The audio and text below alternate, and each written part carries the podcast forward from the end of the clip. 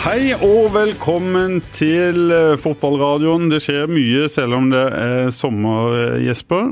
Ja, det skjer veldig mye selv om det er sommer, og det er jo eh, hyggelig, det. Det er et kvinnemesterskap som går mot slutten. Imponerende kamp av USA i går. VAR viste seg frem fra sin beste side, og da er det alltid gøy på Twitter. I tillegg til det så var det en del andre ting som foregikk på Twitter i går, blant annet da ei som er glad i å skrive litt om kultur i Dagbladet, som da mente at det å kalle kvinnelige fotballspillere for rivjern, det er fullstendig feil i 2019. Ikke visste hun da at rivjern i fotballterminologi eller fotballsammenheng da er en positiv beskrivelse av en midtbanespiller som får veldig mye gjort.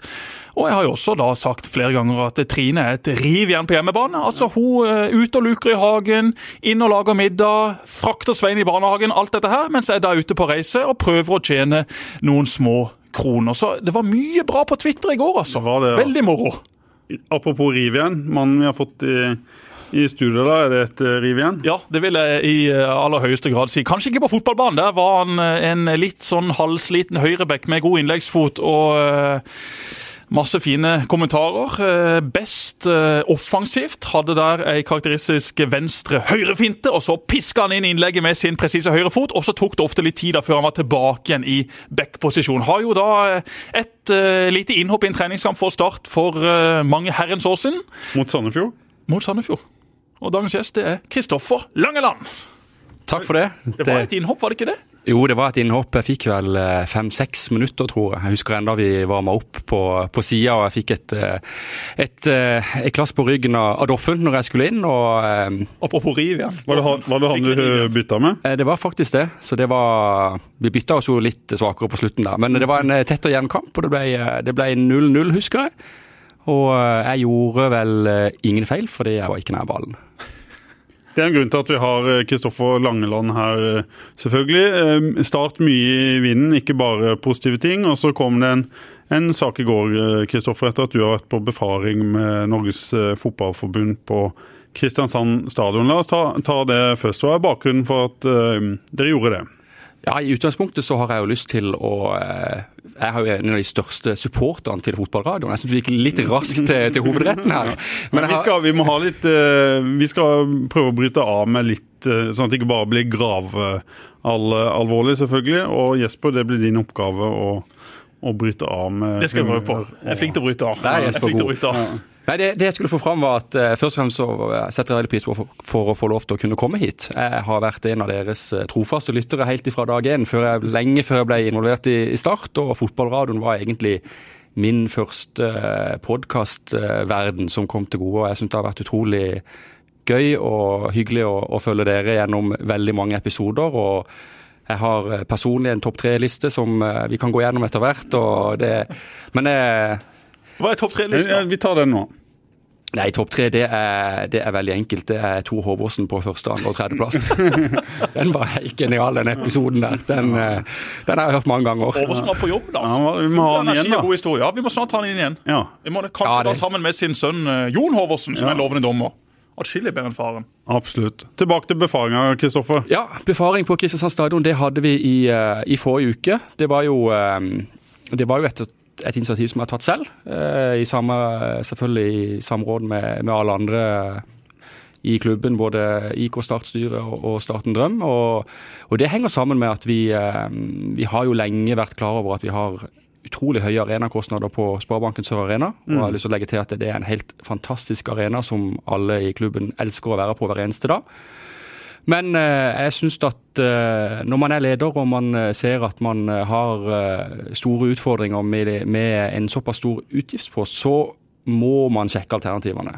Og eh, Kristiansand stadion har jeg, har jeg sjøl vært på mange mange ganger før. Jeg var en av de som sneik meg under gjerdet i den gropa med, med Vilsminne skole helt oppe til, til venstre. Jeg har vært med min, min far på, på vippen på, på Kiff-huset, eh, ned i bomberommet sammen med, med Kai og Fiala og hele gjengen. Og jeg har vanvittig mange gode minner fra Kristiansand stadion. Og når den egentlig veldig flotte arenaen ligger der, så syns jeg det er min plikt å, å, faktisk få en statusrapport eh, på hvordan eh, stand arenaen er i. Så det var bakgrunnen for, for befaringen. Og det handler i utgangspunktet om økonomi. At hvis det hadde vært et alternativ, så hadde det vært billigere enn å, enn å være der dere er. Ja, det vil jeg jo anta at det ville ha vært. Jeg tror enhver person Har dere fått noe svar på, på hva det ville koste? Nei, for det, det, er mye mer sammensatt enn en som så. Det handler først og fremst om eh, NFF jobber jo eh, altså det er jo, De er jo på vegne av klubbene. Eh, og vi har vært veldig tydelige på, til NFF med utfordringene vi har med, med, med leiesummene på, på Sparebanken Sør Arena. Vi har hatt en god dialog med NFF når det gjelder kunstgresset der. Mm. Og de har vært informert fra dag én. og hva, hva, det eventuelt vil koste for Start å spille hjemmekamper på, på Kristiansand stadion, det avhenger litt av, av hvordan divisjonen divisjon man er i.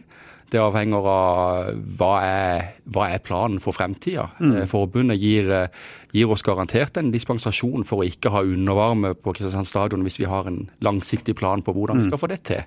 Eventuelt hvor vi, hvor vi skal komme tilbake til, til Sør Arena. på et. Er det sånn at dere avventer en annen rapport, at det kommer noe dokumentasjon i, i etterkant her som, som viser noe forhold? Ja, altså I utgangspunktet så har, eh, så har vi en rapport nå som, som, eh, som kartlegger det, det, grunnleggende. Eh, men, kan du si noe om den, eller? Ja, den kan jeg si noe om. De har jo uttalt seg allerede. Forbundet og, og idrettssjefen Terje Abrahamsen om at det er jo ikke gjort så mye på Kristiansand stadion siden Start flytta ut. I utgangspunktet så syns jeg jo så synes jeg jo det er veldig synd at, at, et så flott anlegg som Kristiansand stadion faktisk er, ikke blir rusta opp, selv om nødvendigvis ikke byens flaggskip i startspillet. Nå, spiller, eh, nå har vi et damelag eh, som eh, er satt sammen av Jim Troladon, som, som spiller der. og jeg hørte dere skulle innom damefotball senere, og det er jo absolutt i, absolutt i vinden og kommer garantert til å, til å komme. Det, jeg hørte diskusjonen dere hadde for noen episoder siden om, omkring, omkring damefotball, og da må jeg jo få lov til å ta parti med deg, Pål, og si at du har eh, helt rett, eh, tror jeg. Eh, det som kommer til å skje, er at det kommer til å komme for fullt, og alle lag i Eliteserien kommer til å ha et damelag på et eller annet tidspunkt. Mm. Og det syns jeg jo også man bør ha som ambisjon alle, by, alle, de største byene i Norge bør jo ha Men Spennende. Vi lar den ligge, så tar vi den etterpå. Eh, rapport fra forbundet til dere. Eh, står det noe om en sum? Hva det vil koste å ruste den opp for å få den til eliteseriestandard? Nei, det gjør det jo ikke. De har eh, påpekt eh, ting som er, som er bra med arenaen. Mm. De har påpekt at det er ei flott gressmatte. Eh, fotball eh, skal jo, eh, det er ikke flau for å si, etter min mening spilles på gress. Du skal kjenne gresslukta når du kommer på på kamp, og så har alle forståelse for at uh, det er kjempebra med kunstgress uh, på en så flott arena som uh, Sparebanken Sør Arena er, som at, gjør at alle kan bruke det. det er jo umulig å, å, legge merke til, eller ikke legge merke til at en av flomlysmastene er borte vekk. Mm. Så det klarte han jo å påpeke. Eh, og så, så, er det på dette med undervarme, da, som, eh, som, ja. er, et, eh, som er, blitt et krav nå i, i nyere tid. Men der, der, er man fleksibel på, litt i forhold til hvilken divisjon man spiller i, og også litt i forhold til at man kan få, få dispensasjon for sånt hvis man har en plan om at det skal komme etter mm. hvert, mm. eller at man skal et annet sted. Så, men, men, det var jo Dag Vestlund som var der. Utrolig hyggelig eh, kar som eh, Forbundsmann gjennom mange år, som nå er en slags seniorrådgiver i, i, i forbundet. Har jobba mye med, med, anlegg. Ja, han har jobba mye med anlegg, og jeg fikk eh, mange historier fra han. Han hadde vært på Kristiansand stadion med, med Vålerenga da han trente de, og spilt mange kamper. Han kjente også Svein, far til, mm. til Jesper, uh, virka det som. og men at han var så veldig kjent i Kristiansand, det fikk jeg ikke inntrykk av. For at når han skulle gå, så spurte jeg hvor han skulle, og da skulle han, han skulle gå til Vågsbygd. så da, da, var jeg såpass sjenerøs at jeg, at jeg svippa han ut der, så han var, han var, enig om det når han kom fram, at det hadde litt langt å gå. Men Jesper, det kom jo eh, mye reaksjoner etter at denne saken ble, ble kjent eh, i går. Eh, kokte på Twitter og sosiale medier, og ikke minst i, i forum der statssupporterne vanker. Uh, mye nostalgi og mange som syns at dette er en god idé, og så er det noen som syns det bare er tull, selvfølgelig. Begge deler. Ja, det er ikke rart at uh, dette engasjerer. Det er jo veldig mange Start-supportere som har uh, mange flere gode minner fra Kristiansand stadion enn det de har fra Sparebanken Sør Arena. Og som du sier, når det da er snakk om at ok, det hadde vært kult med start tilbake igjen på Sør Arena, og folk som gikk rundt med Henning Olsen i iskasser og solgte is, og folk som sto med brannslangen og spruta folk ned hvis det var altfor varmt på kamp. Men eh, folk glemmer jo også at eh, det var jo ikke alle sesonger på Kristiansand stadion som var som i 2005 eller 2004. Det var en del eh, begredelige sesonger der også. Hvis du ser på tilskuddssnittet, så var det ikke sånn at det var 10 12 15 000 mennesker på hver eneste kamp. Selv i 2005 Det var vel heller en uh, unntak? Ja, altså selv i 2005 så var det jo sånn at uh, de kampene som uh, var på, på høsten her, var ikke sånn kjempegodt besøkt. Så de som eh, tenker nostalgisk på det, det tror jeg vil eh, være sånn. I én kamp, to kamp, tre kamp, og så var ikke det helt det store igjen. Start, hvis, hvis jeg ikke får resultater igjen da, og, og på Selvfølgelig, men det er jo ikke noe tvil om at sånn som samfunnet har blitt, når du kan sitte tørr og, og grei på Sparemarken Sør Arena og, og, se egentlig godt uansett fra hvor du mm. sitter på på stadion, og slippe å ha denne her friidrettsbanen som, som, skaper en, en, viss avstand fra, fra spillet til, til, der du sitter, så, så, tror jeg nok alle som når de får tenkt seg om, eh, ser at Sør Arena er den beste løsninga mm. etter Sparebanken Sør Arena. Men hvis vi skal snakke veldig mye om den i denne sendinga, så får vi kalle det Sør Arena. Så får Sparebanken Sør ha meg unnskyldt. Men eh, jeg skjønner at det engasjerer. Eh, og på Facebook og i FVNs kommentarfelt osv. Så, videre, så så går det selvfølgelig helt bananas. De mm. som skriker høyest og skriver med capslock, eh, de er de som styrer den debatten. Og så tror jeg nok mange forstår at klubben sjekker alternativer. For mm. Klubben spiller i Obos-ligaen. Klubben har jo eiere som har backa klubben med, med masse masse penger, men har samtidig da også en anstrengt økonomi. og Hvis ikke man får det til sportslig, så blir jo da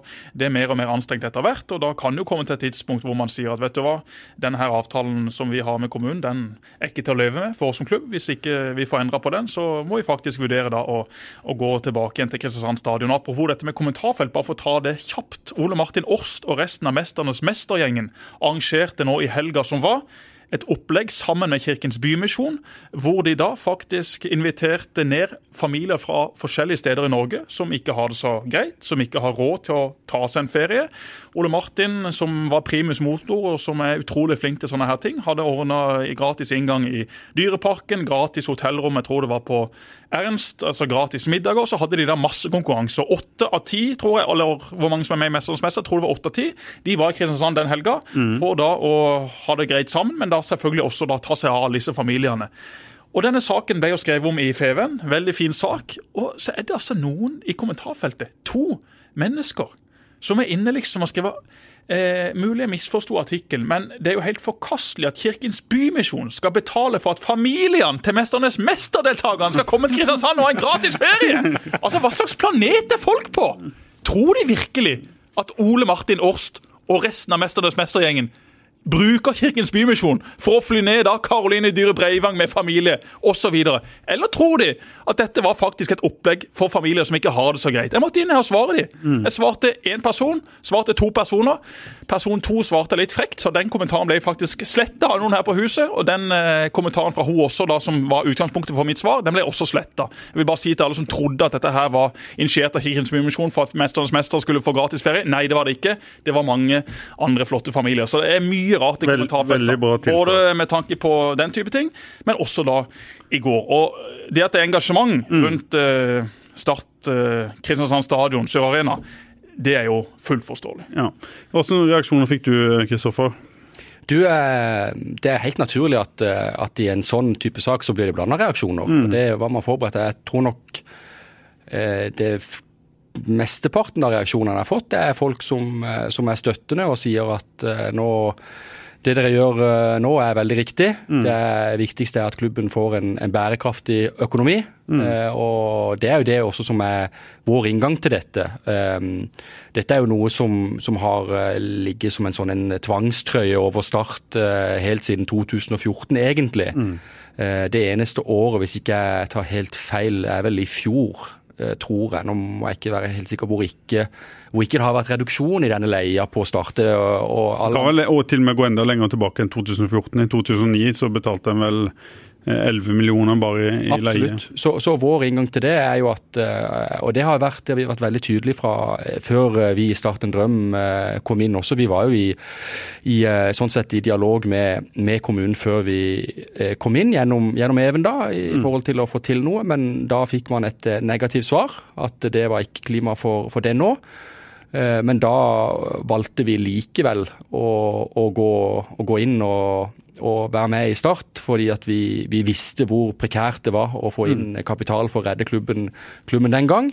Eh, og så har vi opprettholdt eh, dialogen med, med, kommunen etter det. da. Eh, mm. Vi har jo håp om at, at, selv om ikke man får ting til akkurat første gang, så kan man gjennom en, en god og konstruktiv dialog få det til på litt, på litt lengre sikt. Og, og så sier eiendomssjefen Hans Christian Gram til oss at, at, den avtalen er, den er, bindende, og den eneste måten å, komme seg ut derfra er en, en konkurs, kanskje. Er, bruker dere dette som et pressmiddel for å gjøre noe med, med leia, eller er en konkurs i eh, f.eks. Start en drøm eller IK Start en, en mulighet uh, som kan skje? Nei, absolutt ikke. Vi bruker ikke dette som noe, som noe pressmiddel. Det å, det å, eventuelt skulle flytte til, til Kristiansand stadion, det er helt reelt.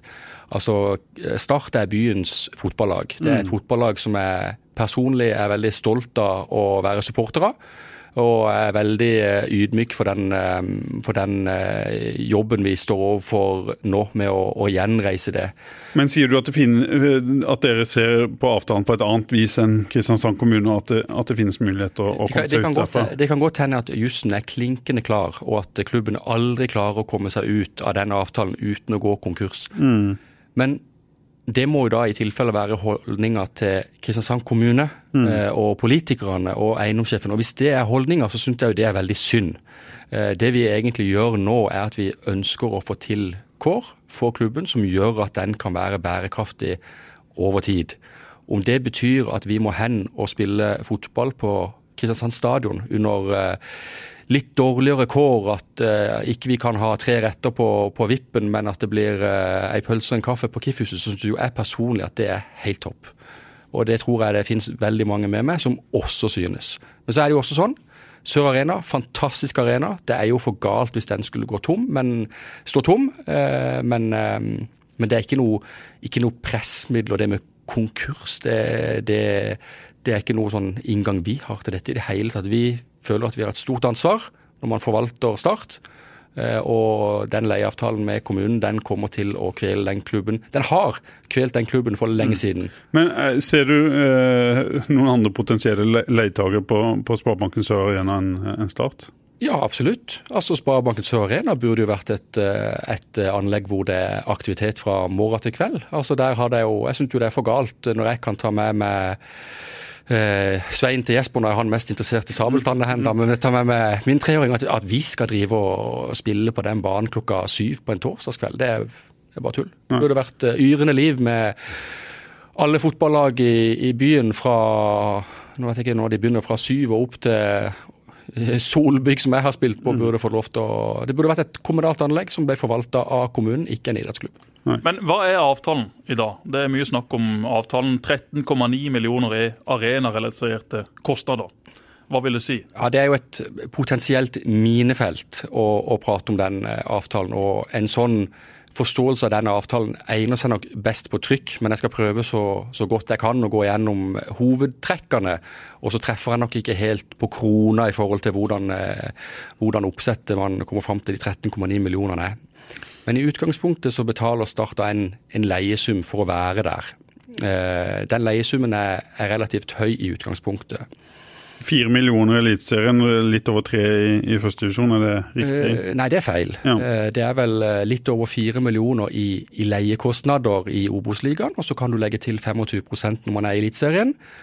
Og så justeres den uh, i henhold til KPI-justering med hvert år. Mm. Uh, I tillegg så har man felleskostnader på, på i overkant av 1,4 millioner, mener jeg.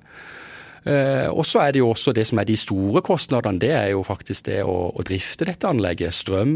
Eh, du, skal ha, du, skal gjøre rent etter hver kamp. Dere har i tillegg et par ansatte som, som driver med, med, drift, som er i det regnestykket? Ja, ja, vi har jo fantastiske Toblad Eriksen som som, som jeg beundrer noe enormt, som tar vare på den arenaen som om de skulle vært sin egen. Eh, så alt vedlikehold av det. Og så er det jo også den, de kostnadene man ikke ser. Eh, det er jo at når det er en sånn såkalt Bearhouse-avtale, så er det slik at eh, dersom ting skal eh, byttes ut, så er det leietaker, i dette tilfellet Start, som, som må ta den kostnaden. Så hvis så enten det er gress eller vippstoler eller Ja, akkurat når det kommer til kunstgresset, så har man en, har man en, en avtale med, med, kommunen om en kostnadsfordeling på, på, den. Nå er jo den avtalen gjort for en del år siden, slik at uh, det ligger i den avtalen at, at kommunen skal dekke breddekvalitet på, et, på kunstgresset hvert tiende år. Mm. Men kunstgressverden har nå beveget seg ganske mye som det, og alle vet at man må skifte et kunstgress mye oftere enn ti år. Mm. Men du kan ta stoler, storskjerm, egentlig alt det du, det du, kan se. Og det er et vanvittig stort anlegg. Skal du bytte 14 000 seter, så koster det mye penger. Mm. Det er ikke en kostnad som klubben har i dag. Men det vil være helt uansvarlig av oss å ikke sette av midler mm. til det når den kostnaden eventuelt skal komme. Og det har ikke Start mulighet til. Ja, og så er det jo noen som uh, påpeker at dere har brukt mye penger i Start som investorer, og at uh, for noen av de pengene så kunne dere laga en bedre avtale, eventuelt uh, kjøpt arenaen. Har det noen gang vært et tema hos, hos, dere å, gå inn og bli eiere av stadion? Nei, det har, det har, nok ikke det. Det har vært oppe til til diskusjon, eh, men, men, vi ønsker ikke å, å, være den som eier en sånn arena. Det, det, mener jeg absolutt bør være kommunen som skal eie en sånn type, type arena. Og så, så, er det viktig for meg å få fram at, eh, at, det er blitt brukt veldig mye penger siden vi kom inn. Mm. Eh, mye av det var kostnader som, som måtte tas, egentlig for å, for å få lov til å være med og, og hjelpe og bidra. Eh, og så har man eh, henta mye spillere, og det var jo et ærlig forsøk på å prøve å, å legge best mulig til rette for å, for å først og fremst rykke opp. Der syns jeg jo man lykkes bra med å hente Damien Love og Skålevik og O'Brien, som, som, kom inn og Nå skal ikke jeg ta på meg fotballeksperthatten, men jeg tror jo en mann som Skålevik hadde veldig mye å si for at vi faktisk rykka opp med minst mulig margin. Mm.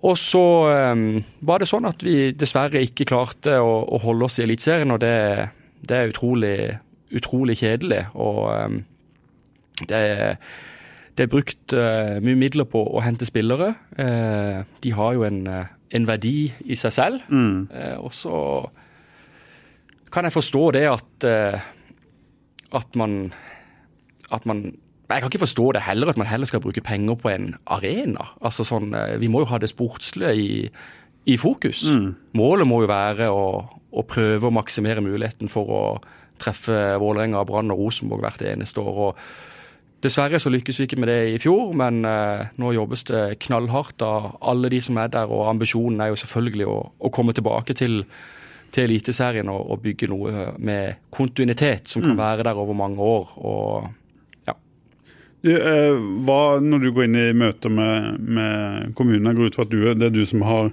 har fronta det på Stats vegne. Hva har vært ditt mål med, med, når det gjelder akkurat den avtalen?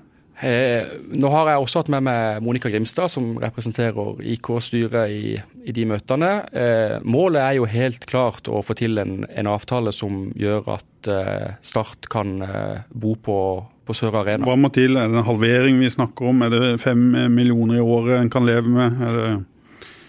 Nei, det, det, ønsker jeg ikke å gå, å gå, å gå inn på. Jeg syns det er unaturlig å, å snakke om, om beløp. Jeg syns bare det skal være rettferdig. Jeg syns at, uh, at, klubben skal bruke midlene de får fra sponsorer og medieinntekter og alle de frivillige som legger ned en, en stor innsats på, på arenaene. De som jobber eh, dag og natt. Uh, bør få den innsatsen de legger ned igjen i form av uh, at vi legger mest mulig til rette for at den sportslige satsinga kan være bærekraftig i Eliteserien.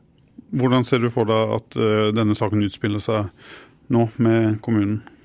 Det er utrolig vanskelig å, å svare på. Uh, jeg håper jo selvfølgelig at utfallet av det blir at Start får en et hjem, enten det er på Sparebanken Sør Arena eller Kristiansand stadion, som gjør at vi kan fokusere på det sportslige. Er dere avhengig av politikerne her, at det blir en politisk eh, sak? Det virker jo som eh, eh Sørlandshallen eiendom og, og, og, Kristiansand kommune er ganske steile. Ja, men samtidig så har jeg lyst til å skryte av den dialogen vi har hatt med, med, med Gram og, og Selle og, og eh, og Sørlandshallen Eiendom det har vært veldig ryddig, og de har vært veldig ærlige på, på, eh, på hva, de, hva, de, kan gjøre og hva de ønsker å gjøre. Jeg sitter jo med et inntrykk av at alle ønsker å få til noe her som mm. gjør at det kan være bærekraftig. Men, eh, men uh, i forhold til å svare på det spørsmålet, så er det vel Udjus som er politisk redaktør som bør svare på det, og ikke, ikke meg, tenker jeg. Hva tror du Jesper, hvis dette blir opp til politisk behandling? Vi har jo hatt saker både med, med Kultiva-midler og, og, støtte til stat tidligere og, og, og kutt i leia som har blitt eh, behandla politisk. Og det har jo ofte endt i, i Starts uh, favør, selv om det er kritiske stemmer. Ja, altså jeg, jeg har det jo med å, hamre løs på ting som jeg kanskje ikke har fullstendig kontroll på. Eh, dette syns jeg et sånn vanskelig greie å mene noe om. Jeg vet ikke hva politikerne tenker. Det eneste jeg kan uh, se, er jo hva Start betaler i, i utgifter på den arenaen. Mm. Og det er jo en fantastisk uh, flott arena. Det er den, den, fineste arenaen i Norge. Ligger der han ligger. Relativt ny. ja, overdimensjonert med tanke på hvor Start er nå, og sannsynligvis de neste ti 20 årene, men mm. den står nå der han står.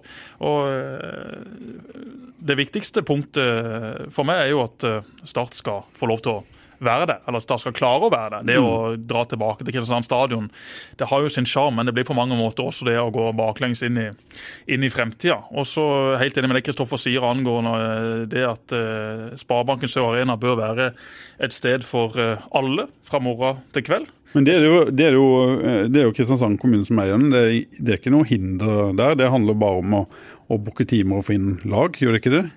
Jeg syns det er litt mer komplisert enn som så. Okay. I, og med at, uh, I og med at uh, det er Start som skal bære alle kostnadene. Ja. Så er det klart at for Start sin del rent Men dere ønsker i utgangspunktet noen å dele kostnadene med, da? Absolutt. Ja. men, men jeg syns jo det det handler jo ikke, handler ikke om at Start skal få redusert noe, noe leiekostnad eller sånn i den forstand. Jeg syns det handler om at om at eh, dette skal være et kommunalt anlegg som bør, eh, som bør leies ut på, på, samme vilkår som alle andre kommunale anlegg faktisk ble gjort. Mm. Det er faktisk kommunen som eier anlegget. De har, eh, de har kjøpt et anlegg til en, til en, veldig god pris. Men det er mye løst ved Nå kommer jeg med et forslag, da, litt som, som, Jesper, som ikke kjenner dette i detalj sånn som du gjør. Men å legge nytt kunstgress og legge undervarme og gjøre det til en helårsbane og, og booke timer, f.eks. Ja, det er musikk i mine ører. Mm. Men da kan vi ikke ha Eriksens kan gjerne brøyde det, men eh, da kan ikke Start betale alt. Nei. Eh, kunstgress.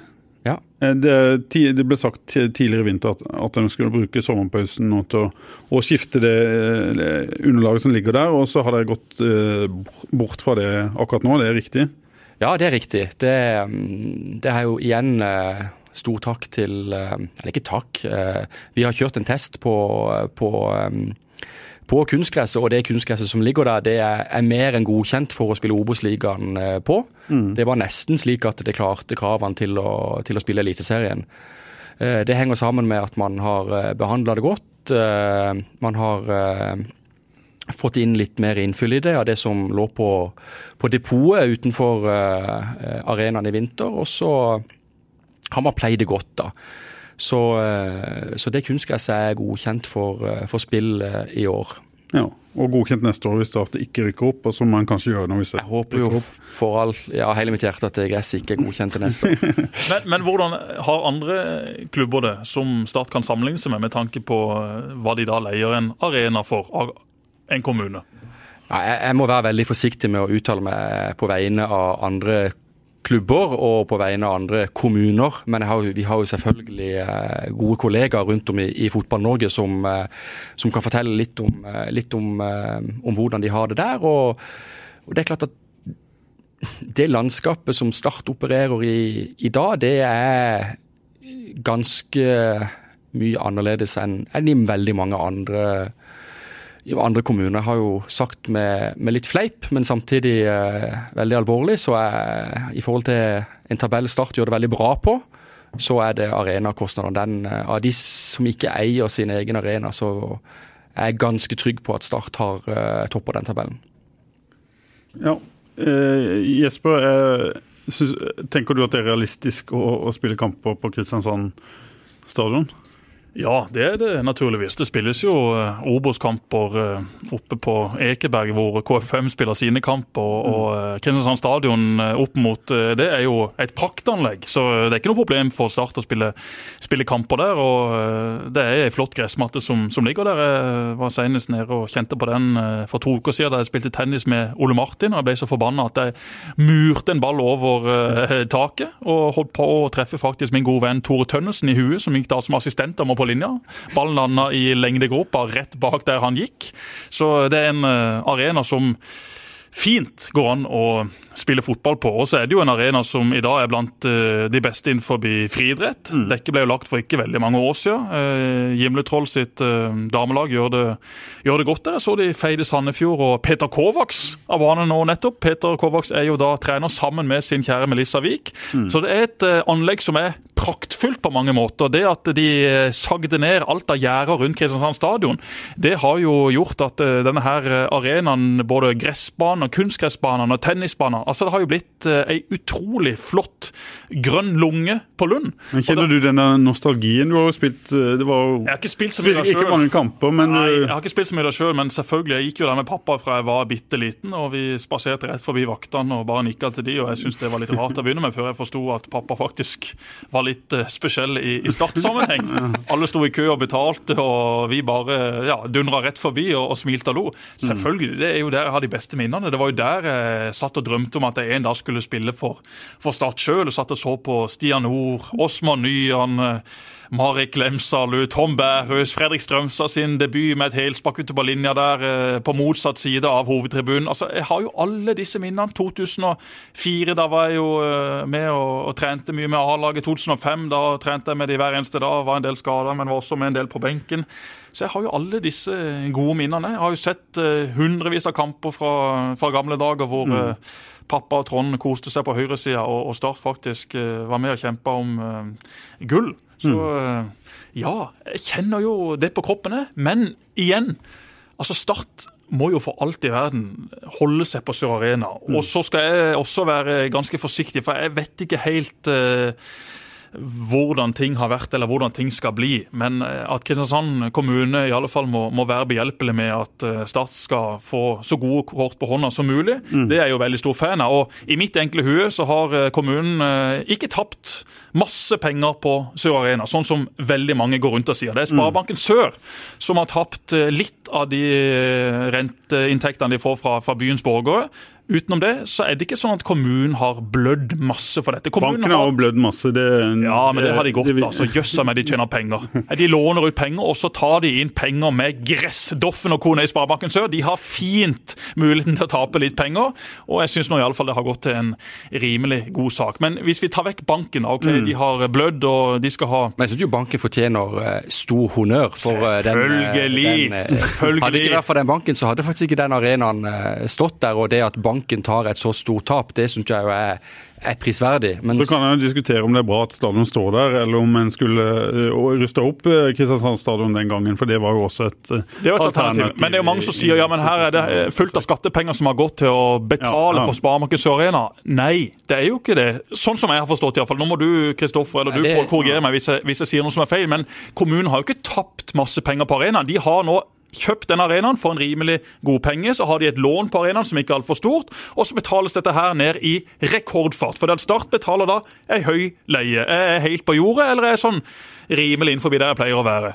Ja, Du er jo som regel innenfor der du pleier å være, og det er, det er, du, også, det er du, også, her. Selv om dette her er jo en, en kompleks historie som jeg, jeg, kan ikke være bastant på å fortelle at sånn absolutt. og sånn uh, var det. Men, uh, men, sånn som det er nå, så, så har uh, kommunen et, et, fantastisk anlegg som de har erverva for, for, en veldig OK sum. og det syns jeg jo det, det det er jeg ikke redd for å si at eh, en, en, kommune burde jo være stolt av å ha et sånt anlegg som det Sparebanken Sør Arena representerer. Hadde man begynt fra, fra bunnen av, og man kunne gått til byens politikere og sagt at har dere lyst til å bygge dette anlegget her, det koster så så mye. Da hadde det vært et rungende ja, vil jeg tro. For det, det er et fantastisk anlegg. Men så er jo 44 millioner er vel summen som ble, ble, det ble kjøpt for av Sparebanken Sør etter at de fleste tapene ble, ble tatt. Og så var det vel noen, Magne Kristiansen bl.a., som, som, som måtte få noen penger også, som hadde et lån i, i, i stadion. Ja, Det tror jeg ikke er langt unna sannheten. Men den sannheten tror jeg det er veldig få som faktisk har 100 ja. korrekt. Men det, det, er nok Hvis vi sier rundt 50 millioner, da, så fikk de Flott anlegg. Ja. Og, men jeg syns jo også det Nå er jo det for seint nå, da. Men, mm. men, men, hadde man skulle gjort det på nytt, så ville jo jeg absolutt ha gått for, for den den muligheten som var å faktisk bygge det. For det er jo sånn når jeg var på Kristiansand stadion på den befaringa, hvis du var litt i tvil Jesper, liksom, om du fikk nostalgien, altså den slo meg som en vanvittig kraft når jeg kom der. Ja. For det, jeg, har ikke, jeg, har ikke, barn som gjør at, jeg, at de er på en måte gamle nok til å være der, men det, det sa pang for meg.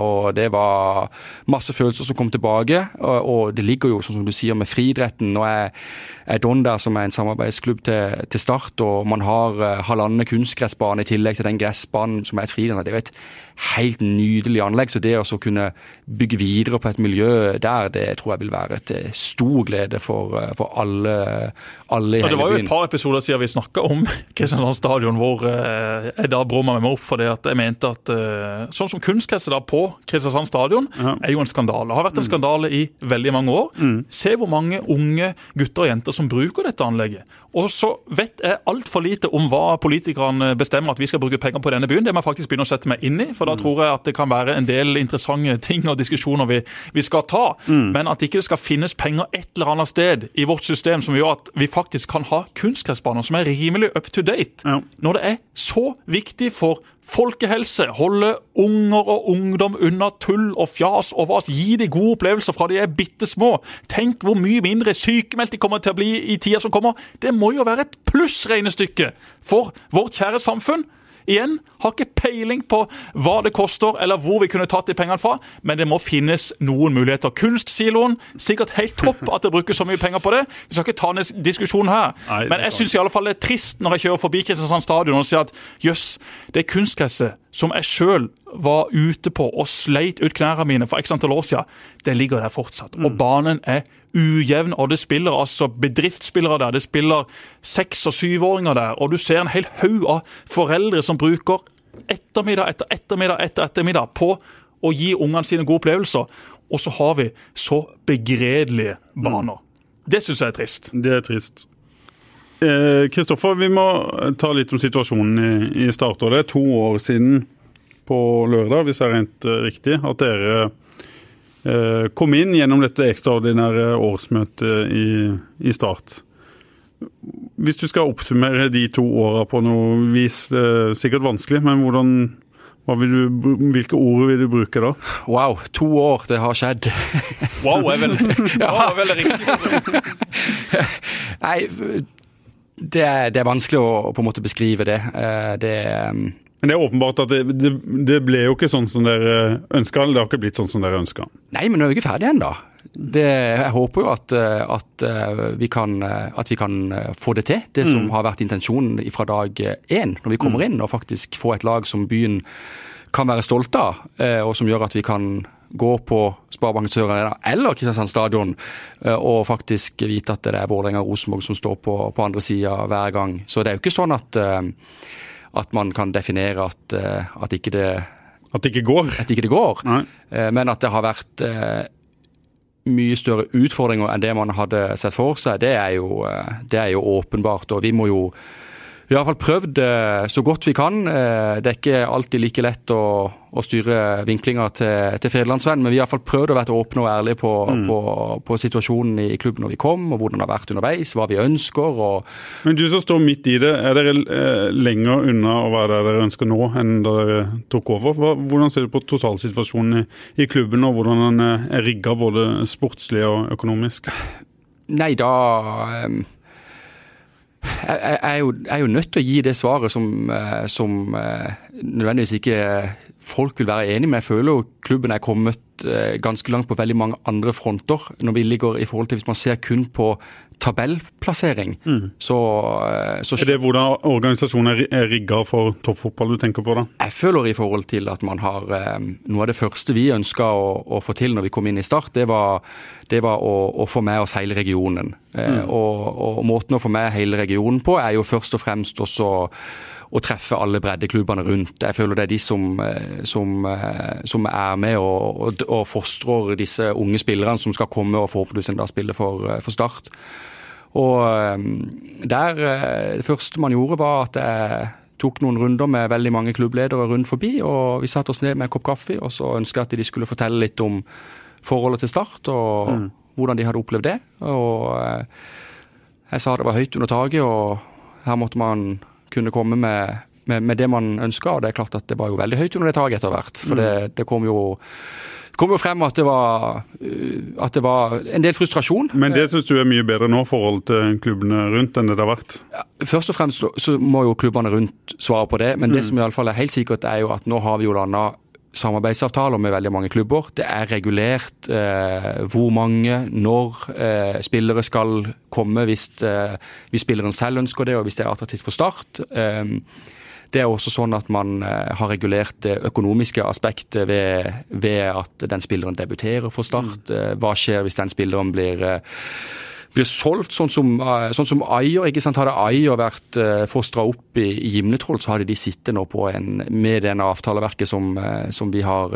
i dag med, med Gimletroll, så hadde Gimletroll sittet på en fantastisk gevinst om noen år for men du sa sjøl etter, etter kamp mot Notodden at jeg tror du brukte orda jeg har skrevet det ned her, at uh, rent sportslig har ikke Start hatt utvikling. Om man ser på tabellen, det var det du, du, brukte. Og det har vel vært det aller viktigste for denne klubben, å, å prøve å, å, løfte den til en stabil eliteserieklubb? Ja, absolutt. Og det, som jeg, som jeg sa etter den Notodden-kampen, det, det, det, står vi jo for. Og det, har man jo ikke ikke lykkes med frem til nå, men uh, vi uh, har knytta til oss mange flinke mennesker i, i klubben. og og håper jo at vi, at vi, kan, at vi kan, få til, få til det fremdeles. da. Mm. Hvordan, hvordan, er det å lede Start nå, kontra sånn det var for ja, Du, du kom jo inn etter at Bransdal gikk som arbeidende, arbeidende styreleder. Hvordan, hvordan, er det å, å, lede en klubb som Start i den situasjonen den er i nå? Det er utrolig uh, Det krever veldig mye mm. eh, tid. Det det er først og fremst utrolig utfordrende, gøy. Eh, jeg lærer mye fra hver eneste dag. Eh, det tror jeg alle vil gjøre i en sånn rolle uansett, for det, det, skjer noe nytt eh, hele tida. Og så er jeg først og fremst veldig ydmyk i forhold til det ansvaret en sånn rolle har. For det at du forvalter jo, sammen med alle andre som jobber i, i klubben, og spillere og trenere, byens stolthet. Så det er hvor tøft er det for deg som person? Altså Når du tenker på ting som blir skrevet, ting som blir ropt. altså Du har, du har jo hatt eh, interessante stillinger opp gjennom årene, selv om ikke du er så veldig gammel. Men det kan ikke sammenlignes med noe av dette? Nei, det, det, de stillingene jeg har hatt opp gjennom årene, har ikke vært i nærheten av den profileringa. Men eh, jeg liker å tro at jeg er ganske tøff i skallen og, og tåler det. og jeg skjønner, jeg skjønner, mekanismene. Jeg skjønner at når, det, når ikke det går bra med Start, så skjønner jeg at det blir negative artikler i fredagsvenn, Det er veldig åpen med, med, alle journalistene fra fredagsvenn som er på hus hos oss. at uh, De må ikke tenke på det. Altså, det, det skjønner jeg. det, Men det er klart at du uh, Det er jo ikke gøy å, å lese på Twitter at uh, det synges at Langeland skal skytes før hjemmekamper. Det er det er det noen som har, uh, har skrevet det? Ja da, det, ja. det er det. De, uh, det. Men det er sånn, jeg, jeg, forstår jo de sin frustrasjon. For, men det er jo langt over, langt over en, Det er jo idioter som skriver ja. det. Men allikevel. Ja, men det, det, sånn, det, gjør jo noe med en. Ja, det, det, gjør det. Det gjør jo at man, man tenker seg om to ganger, men, men men det er jo det som Kommer Fullsikker vest på kamper nå lenger? ja, nei, men, men, men, men det, er, det, er, det, er, helt greit. Altså, Jeg syns jo bare det er veldig bra at det er et stort engasjement for Start. For at den dagen Jeg husker det var en debatt uh, dere hadde for, uh, for, noen måneder siden, når, når det var ja, jeg synes jo det, Dere bommer litt på at det er så få tilskuere der. for Det er faktisk ikke noen færre tilskuere der nå enn det det var sist gang det var i Obos. Men, mm. men at det, Start sin verste fiende det er at ikke det engasjerer lenger. Og Når Start ikke gjør det så bra som det man ønsker, når vi er i Obos-ligaen og taper hjemme mot Notodden Hvis det ikke er et engasjement da, da er jeg bekymra. Så jeg er mye, mindre, mye mer bekymra for det enn at uh, folk skal skyte meg på Twitter. altså. Det er mange som, som spør meg om eh, investorenes uh, engasjement, uten at jeg kan selvfølgelig svare på det. Hvor uh, brenner du under føttene? Det, hvor lenge skal de være? Ser de fortsatt for, for, seg åtte år til, da, eller ti år totalt? Skal alle være med videre? Du kan jo si noe om det nå. Ja, jeg, jeg, har jo ikke lyst til å, å prate på vegne av andre. Det, det syns jeg blir helt, uh, helt feil. Men... men... du kjenner jo det indre liv, og dere snakker sammen uh, hver dag. Uh, ja. ja. Ja, nei, altså det, det, er jo ikke noe, noen hemmelighet sånn sett at, sånn som du sa sjøl, at det har, ikke, det har ikke blitt akkurat sånn som man hadde ønska. Man hadde jo håpet at man, at man var i Eliteserien eh, nå. Og, men samtidig så er, det, så er, det, en gjeng som har vært gjennom eh, motgang før, og virkelig ønsker å få dette til. Og jeg syns det, det, er beundringsverdig at man har, at man har mennesker som som for min del, som for meg og, og til dels, eh, eller ikke til dels, i aller høyeste grad Robin Reed, som, mm. som, eh, som er Start-supporter av helt sitt hjerte. Jeg syns det er beundringsverdig at uh, mennesker bruker mye, mye av sine egne midler på, på et lag som Start. Mm. Og det, det er for de som lurer på liksom, ja, ok, er de i ferd med å gå lei, kommer de til å forsvinne i løpet av det neste året hvis ikke det blir opprykk i, i 2019? Hva har du å si til de? Nei, jeg, jeg, kan ikke kommentere noe på, på, på, det, annet enn at vi har jo en tiårsavtale som vi forholder oss til. Og den eh, men Ser du for deg at det kan bli eh, noen omskiftninger? At det kan komme f.eks. nye folk inn i en ny konstellasjon? Kan det, kan det være en mulig løsning? Nei, det er ikke noe som har vært tema for oss nå. Nå er vår oppgave å, og jobbe, med, jobbe, med, det vi har, og så ikke minst, ikke minst få til den kabalen med med, med arenaen, som er veldig viktig. og det er også viktig for meg å få frem at det er noe som sto på agendaen vår lenge før vi kom inn. Dette handler ikke om at vi har rykka ned, eh, og at eh, det kreves mer eh, kapital med å opprettholde en satsing i Obos. Dette er noe som er utrolig viktig for klubben, helt uavhengig av om det er eksterne investorer i form av Start en drøm, andre. Dette er dette er viktig for klubben, rett og slett. Du, hvordan kjenner du på ansvaret, og hvordan ser du din, din egen rolle? Du er jo eh, styreleder i Start en drøm, som, eh, der investorene sitter. og Så er du samtidig arbeidende styreleder, der du er en del av den daglige driften på Sparebanken Sør Arena. Hvordan reflekterer du over din egen rolle oppi alt som har, har skjedd? Ja, Hvordan da, tenker du? Ja, har, har du eh, tenker du at du vil fortsette i en sånn en rolle og løse problemene han har kommet opp i, eller vil det være tanker også om å og kanskje ta et steg tilbake og så overgi makt, for å si sånn, til noen andre? Ja, det er ikke, det er ikke, jeg tror ikke det handler om makt. Jeg er iallfall veldig tydelig på um, jeg er veldig tydelig på i alle sammenhenger og, og, og um, i forhold til hvilken hatt jeg har, og ikke minst hvilken hatt jeg kan ha. Det er, mm. i, i, enkelte ting så, så, kan jeg faktisk ikke representere IK Start. altså Da må jeg representere starten. Hva, hva slags situasjoner er det? Nei, for eksempel, Det er jo sånn at um, i uh, styremøter til IK Start så har jeg egentlig ikke Det er ikke sånn at jeg har krav på å være med der, men jeg har stilt meg til disposisjon og jeg er selvfølgelig med. og opplever at vi har et, et veldig godt uh, samarbeid. Og Der tar selvfølgelig ikke du noen uh, valg i det styret, det er jo åpenbart. Ikke sant? Det, men det jeg tror det er veldig viktig, og det er, jo, det er jo det som Fotballforbundet påpeker også med en sånn type dualmodell. For at den skal fungere, så er det veldig viktig at det er et godt samarbeid mellom, uh, mellom eksternt selskap og klubb. Men ser du for deg sjøl i fortsatt en fremtredende rolle i den daglige driften?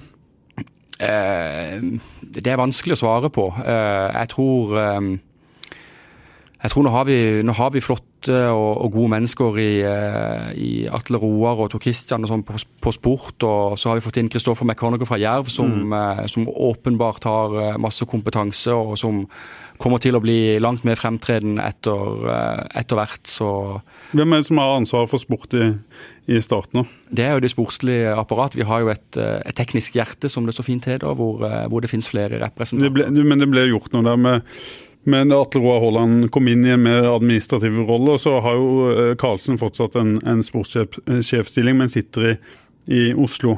Eh, hvem er det som tar eh, Hvem har siste ordet på sport i Start? Nei, vi, vi, opererer nok ikke sånn at, at, at, det er sånn at en bestemt person har siste, siste ord. Man, man, tar avgjørelser i, i, fellesskap, og man har vel enda ikke hatt noen, noen på en måte avgjørelser som hvor en må slå klubba i, i, bordet. Det gjør vi. sånn... Uh... Men Kunne ikke det vært fornuftig med en, med en, klubb som åpenbart sliter med å finne en, en rett vei å gå? Jo, men uh, nå er man jo på det daglige i forhold til sport. Jeg tror i forhold til når du kommer, når du kommer til de litt større tingene som spesielt denne arenasaken, så føler jeg at vi klubber virkelig er slått i bordet og sier at nå mm. skal vi gjøre noe med dette. Mm. Hvor, hvor, mye er du involvert i, i, i sportslig satsing og de diskusjonene rundt det? Sportslig satsing. Sportslige beslutninger, da, er bedre? Nei, Der er jeg veldig tydelig på at, eh, at jeg kan ikke det faget godt nok til å, til å være delaktig i det. Men det er klart at det jeg kan, kan, kan bistå med, det er jo eh, hvilke økonomiske rammer har vi. Mm. Jeg kan stille kanskje de kritiske spørsmål i forhold til kontraktslengde, lønn, den type ting. Men, men er det IK Stats klubbstyre som tar de beslutningene til slutt? Hvilke beslutninger? Om uh, hva en skal gjøre sportslig. Havner det på bordet hos uh, klubbstyret til IK Start? Ja, det Strategien havner jo selvfølgelig på bordet hos uh, klubbstyret til, til, IK Start. Men, men nå tenker jeg mer enkeltsak om spillere inn osv.? Jeg tror ikke du vil altså Normalt sett, altså en overgang skal jo selvfølgelig godkjennes, men jeg tror ikke du skal med all respekt for den sportslige kompetansen som ligger rundt i fotballstyrene. Men der er Haaland og, og Karlsen det er de som ivaretar akkurat eh, det, da? Absolutt. Ja. absolutt. Det er de som innstiller på, på, på, de forskjellige elementene. Hvis du ser litt frem i tid, Kristoffer, hva skal til for å, å få dette til å, å gå? Og da tenker jeg rent sportslig. Eh, da I forhold til faget, så, så, kan ikke jeg svare på det. Eh, hva vi trenger av, spillere og, og alt med seg. Men, eh, du har snakka litt om kontinuitet og Ja, absolutt. Og, det, det er et nøkkelord. Det som må til, er kontinuitet. Man, man må erkjenne at man per nå er i Obos-ligaen, men man må ha målsetninger om å om å bli et stabilt eliteserielag. Og for å få det til, så må vi ha kontinuitet på, på ledersida. Eh, både på, hva gjelder trenere, de som jobber i klubben. Det har vært altfor mange utskiftninger på, på alle mulige fronter. Eh, og så er man eh, Men angrer dere på noe av dette? Dere har jo forsvart de tinga dere har gjort stort sett hele veien. og og forklart, prøvde i hvert fall forklare Det har sikkert vært vanskelig med Rekdal-saken sånn, hvorfor dere har gjort ting. Alt fra for at Steinar måtte gå den gangen til Dempsey, til Rekdals ansettelse og avsettelse. Har det blitt for mye, eller er du fortsatt der at, at dette har vært uh, nødvendig med såpass uh, mye underveis? Nei, I forhold til trenersituasjonen, så altså, det aller beste det jo, hadde jo vært om man hadde hatt, uh, hatt én trener i hele perioden. Og så er det jo viktig for oss å få fram at, at det er jo ikke det er jo ikke vi som driver klubben. Eh, det er ikke vi som tar alle avgjørelsene. Vi er selvfølgelig med og, og, og kommer med våre innspill til, eh, til avgjørelsene. men eh, men det er klart at skulle man gjort Men som arbeidende styreleder så er vel du med å, og drive klubben? Absolutt. absolutt. Selvfølgelig er jeg med å drive klubben, men, men, det er klart at jeg kan ikke ta avgjørelser på om man skal, om man skal hente han spilleren eller han. Men han treneren eller han, da? Ja, men da, da, går på, da går det litt på hvilken type profil man, man ønsker seg. Mm. Eh, jeg tror jo hvis man tar, eh, hvis man tar eh, Altså, Mark Dempsey var jo en fantastisk kar. Altså han gjorde jo noe med hele klubben når han, når han kom inn. og Jeg tror alle som er der, til og med i dag, hadde hatt lyst til at vi fortsatt skulle hatt Mark der. Men det er jo en sånn en bransje som gjør at når resultatene ikke var i nærheten, mm. og Mark var jo egentlig sjøl ute mm. og på en måte ønska å, å, å ikke, ikke fortsette, så det er klart at uh, den var jo, uh, den var jo kjedelig. Mm. Det, det, var jo det å og, og, da, når man gikk til den ansettelsen av, av Kjetil Rekdal, så var jo det det var jo veldig nærme å bli en kjempesuksess, mm. sånn rent sportslig. I forhold til at man, i forhold til at man holdt seg. Holdt seg, og ikke minst så var man kanskje ekstraomganger unna en uh, historisk cupfinale, så er det jo vanvittig små marginer. Mm. Uh, men nå er de valgene tatt, og nå, nå gjelder det for denne klubben her å få en kontinuitet. Og, og Det er nøkkelordet. Se på de lagene som har sjarmert oss i Eliteserien i år. Det er mm. Bodø-Glimt, som eh, på mange måter har slitt økonomisk. Eh, som har vært flinke med U-avdelinga. Nå har de fire, fem, seks unge gutter som er oppe og preger kamper i Eliteserien, og som de nå etter hvert kan selge for mange millioner. Så kan de da tilføre det ned i nye talenter. Odd det samme. Fagermo og co. de har vært fantastiske på dette med spillerutvikling i mange, mange år. De er glad i å fremheve det sjøl, men de har jo også faktisk vært det. Nå har de gjort et par endringer på laget, et par endringer i stallen. Henta inn uh, unge, lovende norske spillere. OK. Vebjørn Hoff uh, er ikke lokal, men han har vært uh, veldig veldig god. Birk Risa har vært det samme på venstrebekk, og nå har de da et lag som ligger og kjemper i toppen av Eliteserien, og ikke minst da Ranheim, mm. som ikke har ressurser. De har spillere som har jobba med andre ting opp gjennom tida, men de har hatt den samme treneren, den samme filosofien, de samme spillerne. De vet her spiller vi den type fotball. Hvis han er ute med skade, OK, inn med en ny brikke. Så mm. endres ikke hele laget.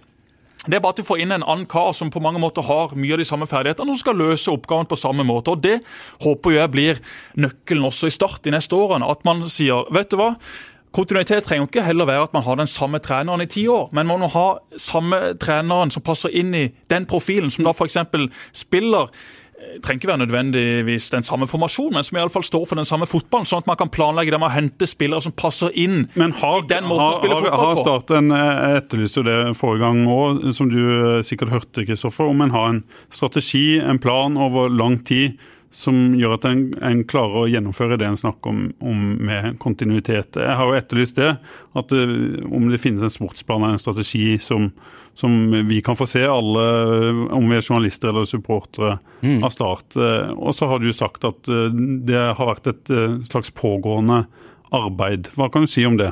Ja, det, det er helt riktig, og jeg er helt enig med, med, Jesper at jeg tror det er viktig at man får den kontinuiteten på hva er det, hva er det Start skal, skal være. og den, eh, den, planen har det blitt jobba med i, i, lang tid. Eh, og eh, den vil nok kunne presenteres om ikke så, så veldig lenge. Mm. Nå skal den først og fremst godkjennes av styret, og, og, det må gjennom riktige instanser. Men der ligger det jo uansett det at Start skal være et offensivt lag. altså Vi må jo få tilbake makrellfotball, vi må dyrke noen lokale helter. Og så må vi selvfølgelig, selvfølgelig forstå ikke sant, at uh, det finnes spillere som ønsker å komme seg videre ifra, start. ikke sant? Du har eh, Se på Ayer nå, ikke sant, som mm. herjer i, i, Celtic. altså Vi må jo dyrke den, eh, den drømmen til de som Men dere har jo selv sagt at noen av disse ble solgt for tidlig, f.eks. Mathias Rasmussen. Nå kan det kanskje det samme, jeg vet ikke, men det kan skje med Tobias Christensen. At, at det kommer et bud på han, at dere lar han gå. Kanskje før han har slått skikkelig gjennom i, i startakt. Hva tenker du om det? Ja, Det, vil jeg jo, det, vil jeg, det er jo kjempesynd uh, for, for for en klubb som Start. Men da handler det om økonomien, eller? Ja, Ikke nødvendigvis bare om økonomien, men det er jo litt hva, hva spillerne ønsker også. Man har jo lyst til å faktisk høre på de. Og hvis det er sånn at uh, Tobias har sinnssykt lyst til å komme seg videre Og ikke vil skrive ny kontrakt. Ja. ja. Så, uh, så, har jeg jo uh, forståelse for det. samtidig så nå skal ikke jeg si så mye om det, men, men, men jeg syns jo Say hello to a new era of mental health care. Cerebral is here to help you achieve your mental wellness goals with professional therapy and medication management support. 100% online. You'll experience the all new Cerebral Way, an innovative approach to mental wellness designed around you. You'll get a personalized treatment plan from a therapist, prescriber, or both in a safe and judgment free space. Your cerebral therapist or prescriber will outline a customized plan with clear milestones along the way so you can get to feeling your best. With Cerebral, you're not alone in your mental health journey. We're here to empower you to live a fulfilling life. So take that first step towards a brighter future and sign up today at cerebral.com slash podcast and use code ACAST to get 15% off your first month. Offer only valid on monthly plans. Other exclusions may apply. Offer ends July 31st, 2024. See site for details. De må eh, også reflektere litt over forhold til eh, mange unge spillere da de vil raskest mulig ut, og det, det er vel og bra, men, eh, men eh, det kan også være bra å være en av profilene i Start og komme tilbake om, eh, om ti år til. Og, og det er mange, mange av de, så, men eh, Tobias er jo, men det er jo først og fremst en, eh, en fantastisk fotballspiller som kommer til å, å nå eh, veldig langt. Og forhåpentligvis så klarer vi å ha han i, i Start i lang tid. Jeg, jeg tror at de med god peiling på sport eh, råder han til å være litt lenger i, i Start. Og han er enda ung og har jo sånn sett eh, ikke Han har jo ikke bevist noe på eliteserienivå enda, eh, men er jo utvilsomt et, eh, et stort talent. Og det var jo, som, som du sier, Pål, så var det jo Det var jo eh, det var jo det når man satt på utsida som gjorde at man ble veldig frustrert. For det, da kanaliserte jo jeg min frustrasjon til Jesper, som var Når jeg ikke bodde i Kristiansand og, og så på Start og alt med seg, så eh, Men det er jo det med kontraktslengden som, som kan gjøre det komplisert i enkelte tilfeller. Det Ja, og spillerens eh, vilje. Ja, selvfølgelig. Ja. Det, Men det har vært ekstremt mange overganger siden dere kom inn for to år siden. Det vil vi ikke se de neste to-tre årene. Én ting er jo pga. økonomien, man skal prøve å få en bærekraftig klubb, men nå har det blitt gjort en del investeringer, så er vel nøkkelen da å klare å få fram disse unge lokale som kan bidra for Start fram til de er 2, 3, 4, 25, og så kan man selge det istedenfor hele tida måtte hente inn spillere da som ikke har det forholdet, det hjertet for klubben. Ja, jeg håper jo, for å være helt ærlig, jeg håper det blir mange flere overganger inn til klubben. Jeg håper at vi kan eh, klare å, å tiltrekke oss de, eh, de beste spillerne fra, fra Sørlandet som, som nå er i, i andre klubber. Og så vil det selvfølgelig være forskjellig situasjon fra, fra den ene til den andre, men det er jo helt klart at vi ønsker jo en, eh, en så lokal profil som overhodet mulig. Samtidig som de må være gode nok. Altså det, vi kan ikke ha Men det blir en del av en, en ny strategi, og at de, de beste spillerne fra Sørlandet spiller i, i Start. Ja, hvis de vil. Dere ønsker det. Selvfølgelig. Men de må ville det sjøl også. Det er et veldig viktig poeng.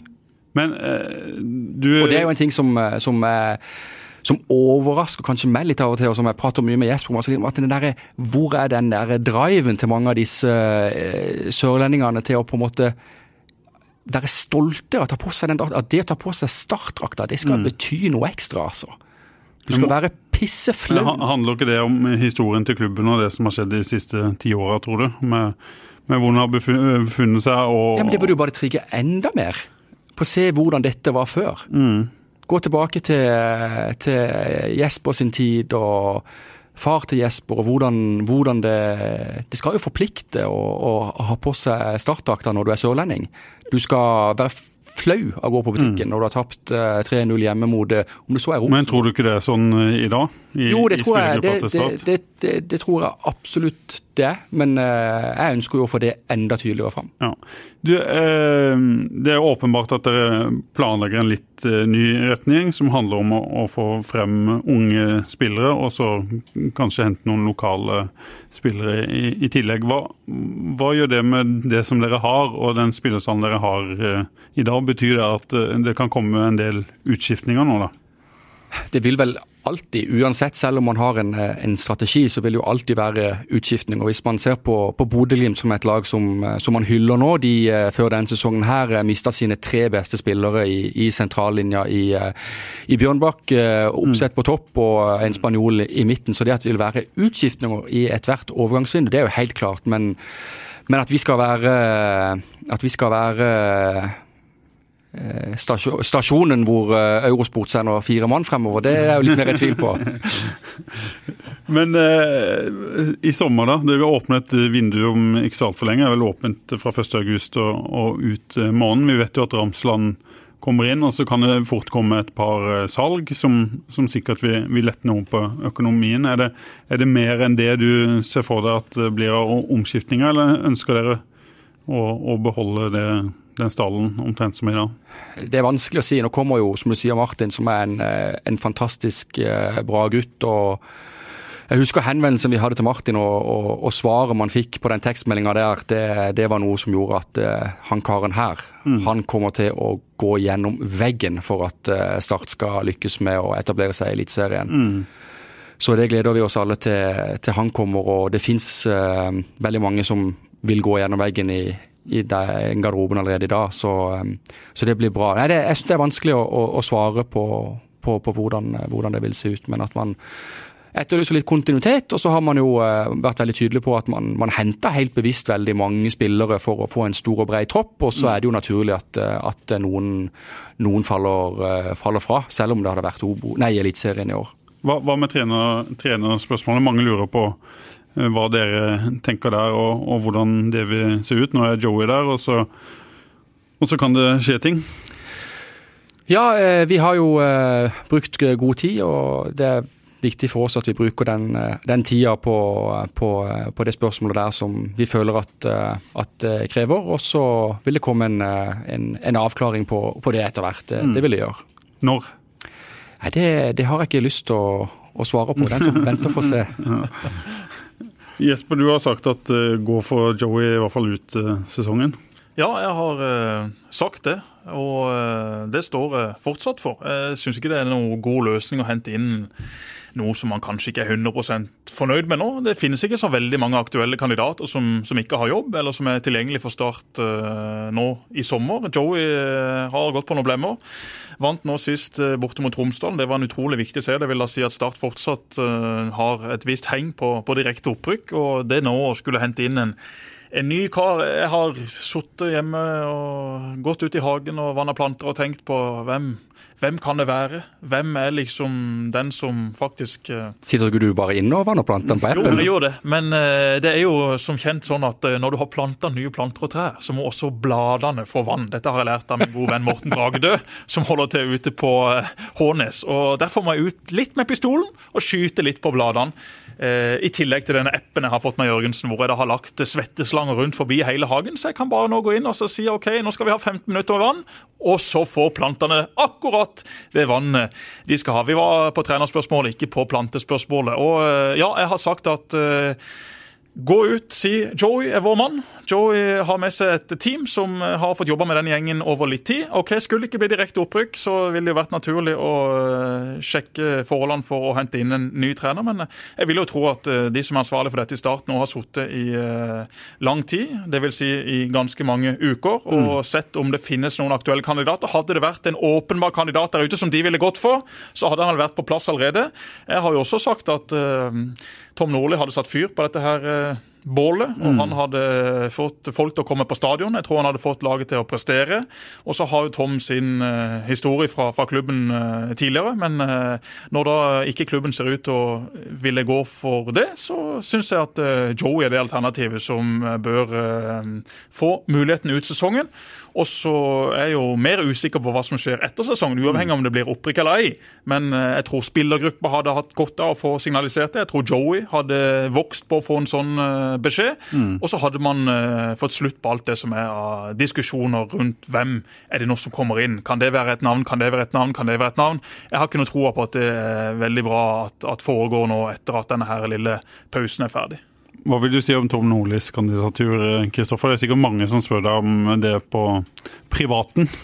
Ja, Tom Nordli har jo eh, vanvittig gode minner sjøl fra, fra, tida i eh, 04 og, og, 05. Og han er jo en eh, utvilsomt en, eh, en, eh, meget dyktig trener i forhold til hva han fått, fikk til den gangen. og og han eh, er selvfølgelig en som, som ville virkelig satt, satt fyr på, på, ting her nede. Det, altså det kan jo jeg si. Jeg kan jo lese avisen og mm.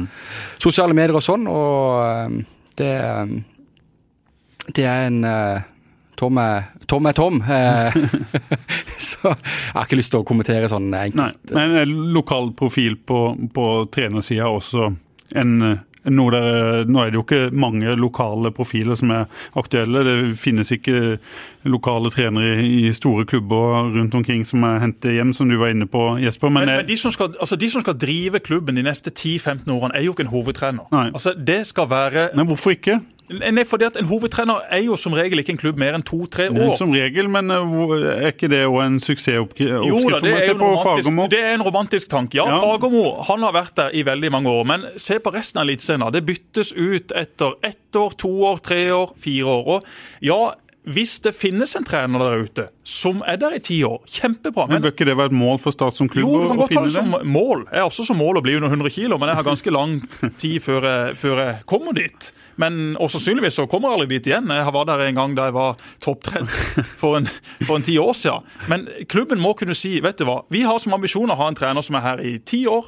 Fint det, Men sannsynligvis så skjer ikke det. Og Kristoffer han vet mye mer om sannsynlighet enn alle oss andre i dette studio til sammen. Så må klubben si greit. Hvis ikke treneren da sannsynligvis blir her over veldig lang tid, så må det jo være andre i klubben som kommer til å være her i lang tid, som drar de lange linjene, dette dokumentet eller sportsplanen eller hva det så fint heter dere jobber med, greit. Det må jo legge føringene. Og så må man hente inn trener da som passer inn i den profilen, sånn at uavhengig av hvem som heter, hvem som trener laget, om man er fra Island eller Nigeria eller Lund, så må det være en som har relativt samme tankesett. Da kan klubben bygge. Da kan klubbe, klubben gå til en tolvåring som kommer fra Imletroll. Hei, du skal bli vår neste høyreback. Vi har nå en høyreback som er 17. Han skal spille i klubben i seks år, og så selges han, og da er det du som skal ta over den plassen. Satt litt på spissen. Jeg sier ikke at vi skal gå rundt og si dette til tolvåringer, selv om jeg hadde gjort det hvis jeg hadde vært en sånn type i, i, i, i en sånn klubb. Men eh, det håper jeg jo at klubben kommer fram til. Hvis det er Atle Roar Haaland eller eh, Ole Olsen eller eh, Per Pedersen. Per Pedersen, eh, det er ikke så nøye for meg. Men klubben må iallfall ha noen personer som staker ut kursen, og som er 100% tro til den. Strømsgodset har ikke gjort det bra i det siste. Jostein Flo har fått masse kritikk, men han har jo vært en sånn type i Strømsgodset som har gjort at for en del år siden så fikk de opp masse lokale helter som de etter hvert eh, fikk solgt. De har tatt gull, de har sjarmert, de har spilt underholdende fotball. Ok, Så vil det for en klubb som Godset, og som for Start, være nesten umulig å være stabil i toppen over 10-15-20 år. Men eh, Start har i alle fall muligheten til å kunne bli en stabil eliteserieklubb. Og er du en stabil eliteserieklubb, så vil du få opp visse kull som gir deg to-tre nøkkelspillere som presterer på et unormalt høyt nivå. Og da vil du få disse toppene opp og kjempe om medalje. Så For meg så er det viktig hvem som trener Start, ja. Men det er ikke det viktigste. Det viktigste er at de som sitter i klubben, enten det er Kristoffer som daglig leder, eller Tor Christian eller Atle Roa eller hvem som er sportslig leder, som må si vet du hva, sånn har vi det i denne klubben. Og det snakker vi også litt om sist. Det må være en kultur som sier at hei, når du kommer opp som ung spiller her, eller når du blir henta inn i denne klubben, så er det sånn vi spiller fotball, det er sånn vi oppfører oss, det er sånn vi snakker til sponsorer, det er sånn vi stiller opp for sponsorer. Sånn har vi det her. Hvem skal være den kontinuitet, kontinuitetsbæreren, Kristoffer? Vil du være det sjøl? Jeg kan iallfall være en pådriver for det, for jeg er helt enig i alt eh, det Jesper sier. Eh, Det, det å Også ha det med tolvåringer. Eh, Kanskje ikke tolvåringer, men jeg tror det er veldig, veldig viktig. Nei, men altså det, eh, det er enhver bedrift, om det, om det er Start som er en fotballklubb, eller så, så kan ikke en bedrift være personavhengig. Eh, Det er viktig at bedriften har Men er ikke Start, er ikke Start avhengig av noen nøkkelpersoner? Absolutt. Som, absolutt. Du skal ha nøkkelpersoner i, i nøkkelrollene, men det skal være definert på et mye høyere nivå enn i hodet til nøkkelpersonen hvordan dette skal være. Så derfor i forhold Men hvordan løser man det, da? Er ikke det Det er som man sier, man har et strategi, eh, Og en kultur. ja. strategidokument som forteller at eh, sånn skal vi eh, spille fotball, og hovedtreneren skal selvfølgelig innenfor visse rammer ha en, en frihet. Men dette er Men dette, hvem skal være Fagermo, Geir Bakke da, eh, eller han i Ranheim, eller i Svein Mål. Ja, nei, Det er jo et godt spørsmål. også. Eh, så så jeg syns jo, eh, jo det er litt synd egentlig at det er trenerne som er profilene.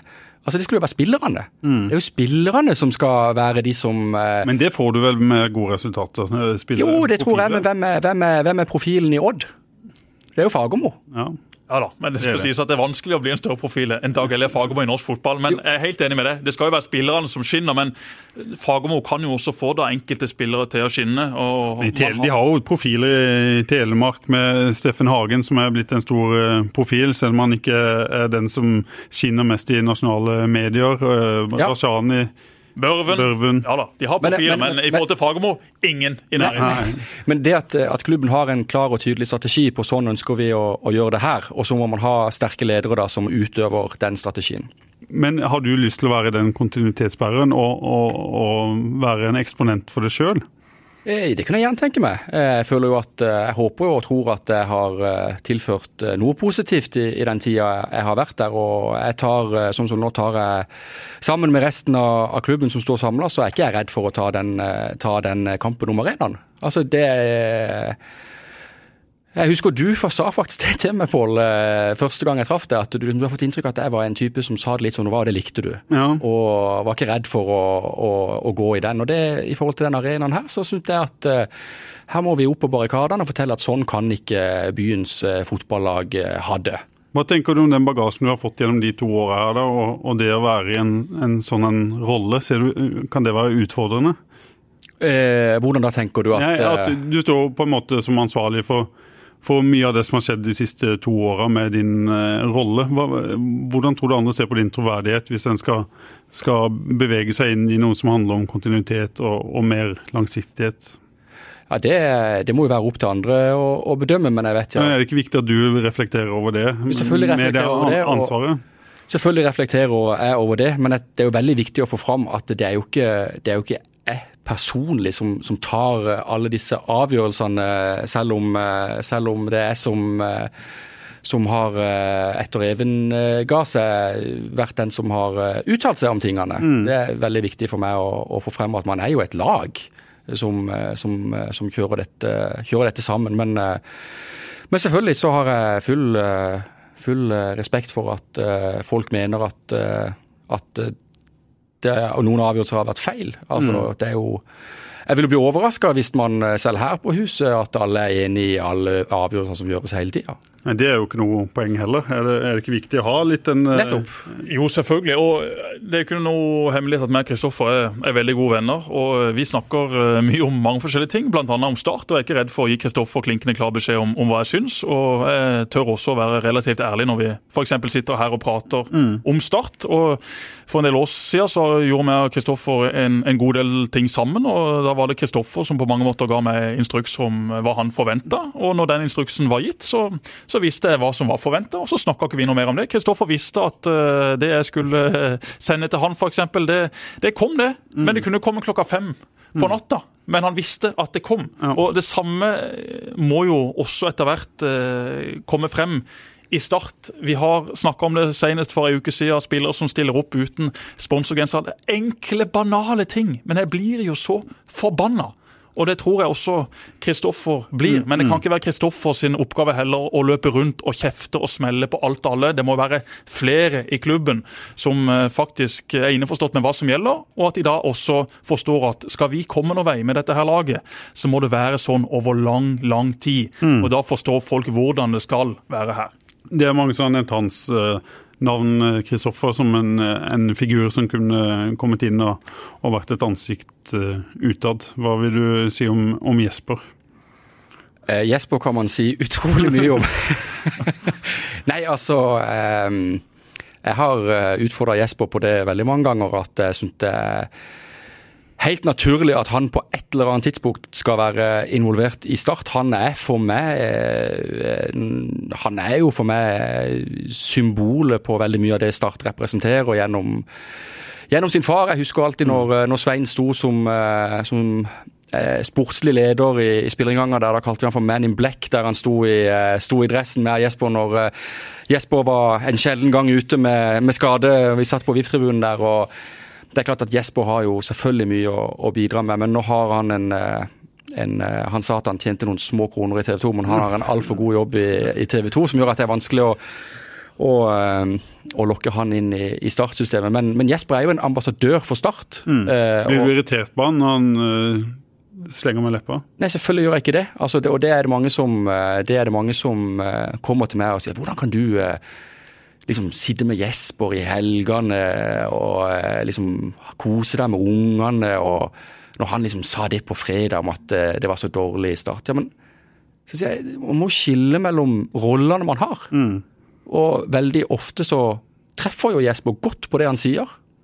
Og da må jeg bare akseptere at, eh, at Men Stikker du av og til? Du, kan du liksom bli i øyeblikket irritert, eller? Ja, selvfølgelig. Men jeg blir jo ikke invitert, irritert på at han sier det. Det er mer på det at uh, Kanskje han treffer litt?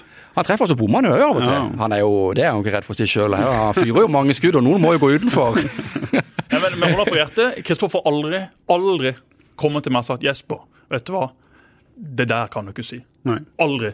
Nei. Og mange ganger så har jeg faktisk forventa at Kristoffer skal sende meg en melding eller si det til meg når han treffer meg, men jeg har aldri hørt det.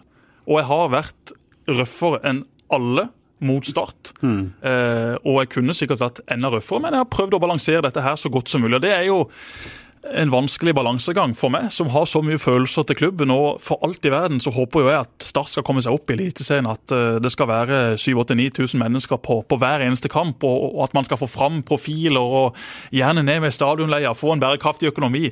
Og eh, ja, jeg kommer til å jobbe i Start en eller annen dag, men akkurat nå så, så har jeg det fint eh, i TV 2. Og så har jeg mye kontakt med de som styrer klubben, og de som sitter og driver med sponsorater i klubben, og de som sitter på regnskap i klubben. Altså, Jeg kjenner jo alle som er der. Så det er jo på mange måter min familie. Spesielt etter at pappa føk til himmels, eller hvor han endte, så, så har Start vært uh, veldig viktig for meg. Uh, veldig viktig for uh, mamma, veldig viktig for mine søsken. Det at vi har kunnet gått på kamp, og at mamma og Anne og Ingrid fortsatt får sesongkort. altså Enkle, banale ting som det selvfølgelig bare skulle mangle at de fikk, men det har iallfall gjort at man har en sånn tilhørighet til, til miljøet. Og det miljøet eh, kan sikkert mange si mye om, men det må jo hele tida jobbes med. Og jeg håper jo at eh, Start kommer seg på beina, og at man da også får med seg alle de som faktisk er glad i klubben. For det er veldig mange som er glad i klubben, og hver gang jeg kommer med kritikk,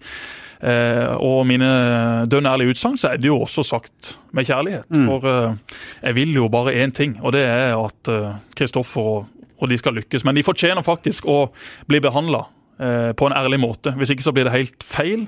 Og det samme eh, har jeg sagt om eh, de gangene jeg er inne og jobber med kvinnefotball. Ja, jeg kan komme i studio, men jeg kommer til å være dønn ærlig. Jeg behandler ikke de noe annerledes enn jeg behandler gutta. De skal få den ærlige, røffe, tøffe, fair eh, behandlinga som de fortjener. Og det samme får faktisk Start. Kanskje kan det noen ganger være sånn at jeg faktisk er enda tøffere med Start enn jeg vil være med noen andre, rett og slett fordi at jeg har såpass god innsikt. Og så er det jo også fordi at man er jo ofte litt eh, Litt ærligere og litt tøffere kanskje med de man er glad i, da. Og eh, jeg opplever jo sånn at veldig ofte så får Jesper ut litt av den frustrasjonen sin i forhold til at, man, at han gjerne vil ha dette på et helt annet nivå enn det det har vært eh, noen ganger. Og det er jo, det, jeg syns jo bare det er en fin ting, at, eh, at eh, man eh, at man viser at man bryr seg. Altså Den dagen Jesper slutter å engasjere seg om Start, da kan vi egentlig bare legge ned hele butikken. altså. Hvis vi skal prøve å se positivt på- Start nå i litt en, horisont her, Kristoffer. Hvor lang tid tror du i beste fall det vil være å, være et, å bli et stabilt eliteserielag? Det, det, det er sammensatt. Jeg tror eh, det, den målsettinga vi har om å ha et stabilt eliteserielag med en bærekraftig økonomi, den henger veldig sammen.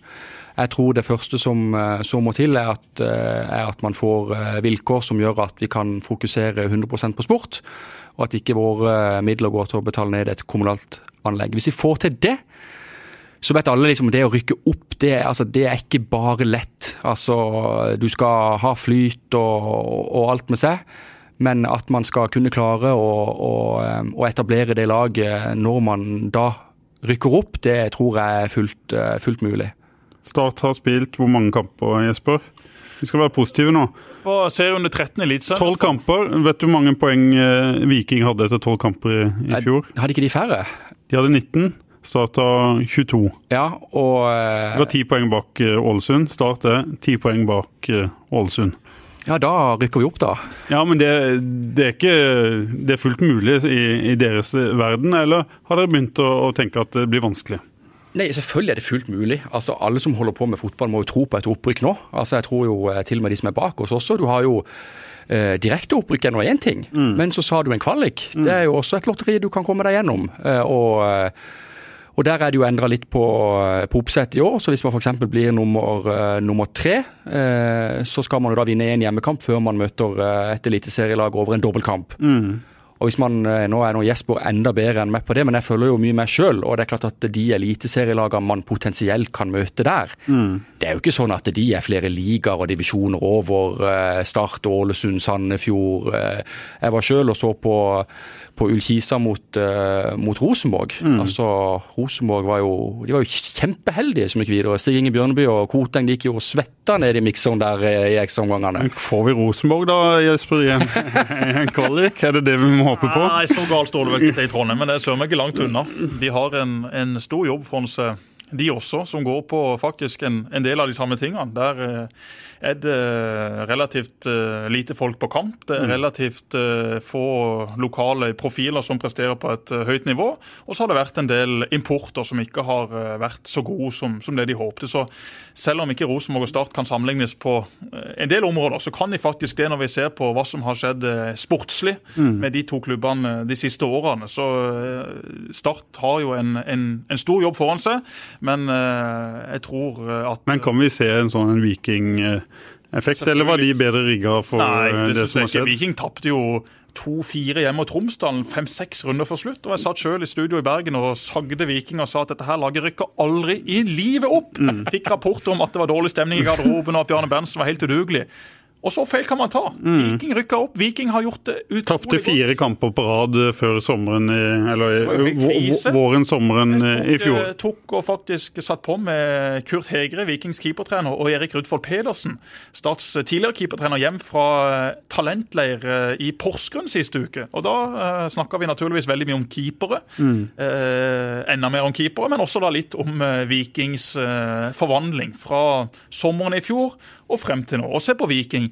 Viking har jo ikke blant de beste lagene i Eliteserien, men de har noen ting som engasjerer. De har Slatko, de har Tommy Høiland, eh, de har eh, Christian Thorsvedt, som har blitt en eh, lokal profil, som byr på seg sjøl ute på banen, som byr på seg sjøl i sosiale medier. Og så har de Røde Rolf på venstre bekk. Altså, de har raska sammen et lag på mange måter. Ja. Og så har de fått fram noen unge lokale som eh, veldig få hadde tro på før sesongen. Og så har de da folk fremover i banen som folk hos motstanderlaget hater. Men som supporterne i Stavanger faktisk nå elsker. Tommy Høiland og Slatko veldig Morsomt lag. Ja, Yldren Ibrahimai. Ja. Skulle gjerne sett han i start. Den feilen ble jo gjort for en, en god del år siden, men han nå herjer i Stavanger. Det er bare et år siden han kom fra. Et år siden han ble solgt fra Mjøndalen til, til Viking. Yes, og Det også var jo en spiller som vi for et år siden ikke hadde sånn kjempestor tro på. Men da var i Arendal i sin tid, da var det jo ikke måte på hvor mye ros han fikk. og Jeg så en del av de kampene og så jo at han hadde noe med seg, men var samtidig veldig ustabil. Nå har han vært stabilt god i Eliteserien for et lag som faktisk har prestert ganske godt. Og eh, Kanskje får vi se han i, i starten da. Slatko også selvfølgelig hadde vært en, en strålende kar å, å til i start, men han har gjort det bra i Viking. og Vi så vel akkurat før vi gikk inn i studio her nå at han hadde da forlenga med Tre år. Viking og Stavanger. Så da blir det nok noen år til før eh, en av Lyngdals store sønner eh, kommer eh, til Kristiansand. Han andre uh, Lyngdølen som sitter i, Danmark, er det et, eh, en drøm for deg å hente han hjem, Kristoffer? Ja, det, som supporter så er det jo det. det han, han representerer litt, eh, han representerer litt eh, symbolet på hvorfor man hadde lyst til å være med og bidra i Start. Så det å Han har akkurat kjøpt seg nytt hus og er jo da på sosiale medier, så det ah, kan jo så være han var den vanskelig. eldgamle kjæresten sin. nytt, nytt hus i Danmark. Jeg, skal, jeg skal være forsiktig med, med hva jeg sier, men eh, Ayer har i alle fall rapportert om at hun er noen år eldre enn han. Ja, det kan godt være. Men det er hus i Danmark? Det tror jeg det var. Ja, det er gode utleiepriser i Danmark. Ja, Det, er det. heldigvis. heldigvis. det kan vi ordne. Jeg tror vi må eh, runde av, hvis ikke det er noen som eh, føler at det er noe de, de skulle eller burde ha sagt. Er det noen temaer vi Vi må innom, eh, meg så Jesper. veldig. Jeg noterte et par ting i, i går kveld, men jeg føler jo at gjennom eh, en del av, av de tingene som jeg tror folk lurer på Jeg tror eh, Det var bare én ting jeg lurte på. Ja. når Vi, vi snakka om totalsituasjoner og deres rolle. Har du en følelse at, at noen tenker at dere ikke har hatt gode intensjoner med å, å komme inn og, og bidra i Start? Det håper jeg virkelig ingen tenker. Det må jeg bare være min oppfordring til, til alle, som, alle som eventuelt skulle tenke noe sånn. Så er ikke det intensjonen i det hele tatt. Vi brenner jo av hele mitt hjerte. Vi jobber dag og natt for å, for å få dette til. Jeg er supporter på, på lik linje med veldig mange andre og ønsker ingenting annet enn å, enn å se et, eh, et, eh, et, startlag som eh, forhåpentligvis kan Jeg har jo sånn sett forberedt meg litt da i forhold til å gå tilbake. Jeg hadde jo regnet med at vi skulle sette opp et sånn drømmelag og den type ting, så det har jeg forberedt meg på. Har du et drømmelag? Ja, jeg fikk jo, men bare for å ta jeg fikk det, jo beskjed om å, om å, gjøre det, så jeg har jo selvfølgelig forberedt ja, ja, men da tar, ja, da tar vi det. Men, men, bare for å ta det, da. Hvis det finnes noen mennesker der ute som tror at Kristoffer og den gjengen som gikk inn i klubben som eier, ikke har hatt de riktige intensjonene. Mm så må de rett og slett bare rygge tilbake i garasjen, lukke den porten og gå ut igjen. For det har jo selvfølgelig ikke vært sånn. Det kan jeg si, som kjenner disse gutta veldig veldig godt. Her er det altså f.eks. Kristoffer. Ja, vi er gode kamerater, og er sikkert inhabile, alt det der, men han bruker altså sine egne sparepenger på klubben. Han har en eh, frue som har full jobb, han har to kids. Han har masse annet han vil bruke tida si på, men Start er jo det som tar opp veldig mye tid i hans liv. Han kunne bare tatt og lagt seg tilbake igjen i sofaen og eh, levd et rolig og stille liv uten mas og fjas og kritikk fra alt og alle. Mm. Men han har altså hoppa rett inn i bålet. og Det bålet var kanskje litt varmere enn du først trodde, men han står der fortsatt, og han kommer til å stå der videre. og Det syns jeg faktisk at folk må applaudere. Gjerne kritiser ting klubben har gjort og gjør. Det må man faktisk gjør, men ikke eh, kom og fortell meg at ikke de har hatt riktige intensjoner med å gå inn i Start og faktisk bruke masse tid og ikke minst masse penger. Ja, Det var veldig hyggelig at du sa Jesper, og det du sier med at folk Ja, Men det blir jeg forbanna på. Ja, ja, jeg ser folk skrive eller si det, jeg er veldig med, da fyrer jeg meg faktisk ja, litt Jeg er veldig enig med, med Jesper. Vi må skille sak og, men, og, personer. Ja, det er veldig hyggelig å høre, og det setter, uh, setter jeg pris på. Det vet jeg at alle de andre også setter stor pris på å høre. Men, men igjen, da, det, det, må være lov også å, å, å, ha meninger og kritisere de valgene som har blitt gjort. Mm. Det, det må, Start må alltid være gjenstand for uh, for diskusjon det, i forhold til det. Og så er det sånn eh, det er alltid lett å på en måte være på utsida og, og, kritisere. Man har kanskje ikke all informasjon. Det kan hende at det er gjort pga. noe som ikke man kan kommunisere. Og det er jo noe man kjenner på at er litt tøft av og til. At mm. man faktisk Urettferdig òg, eller? Nei, ikke urettferdig, det blir feil ord, men jeg skulle veldig gjerne bare fortalt at ja, men hør nå her, det er pga. sånn og sånn og sånn og sånn. Å ja, er det det, ja? Men da skjønner vi det. Så, men, eh, men det er også, Noen sånne kameler må man svelge i løpet av et kalenderår. Det vil være en del situasjoner, en del episoder. Ja, det har vært mye kameler de siste årene. Ja, det, det har det, både kameler og dromedarer. men, nei, men, men, det er sånn, men det, det er sånn, sånn må det være. Start skal engasjere, og det skal være det skal være litt, eh, litt fyr, i, fyr, i, teltet når, eh, når, når, når, ting ikke går som det skal, og spillere forsvinner, og spillere som kommer ikke leverer. Det, det, er jo sånn fotball skal være. Det er jo ikke bare i start. Nå skal du ha ferie. Kanskje, Kristoffer, klarer du å ta et steg tilbake og slappe av nå, eller er det veldig vanskelig med situasjonen klubben er i?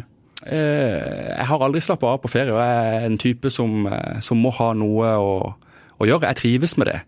Men, eh, men det er veldig, er veldig, viktig for min del å, å klare å, å, sette av tid hvor jeg hvor jeg fokuserer på de, eh, på de hjemme og er mm. til stede. Eh, jeg ser mange som, eh, når jeg går i Dyreparken, som de er der, men de er der ikke allikevel. Fordi at de står hen med kiosken og prater i telefonen og sånn. Det prøver jeg å, å være veldig bevisst på. Kjenner oss igjen da, Jesper. Jo, men Jeg er nok litt den typen sjøl også av og til, men prøver så godt jeg kan. Du er ikke alene. Nei. Vi må ha drømmelag.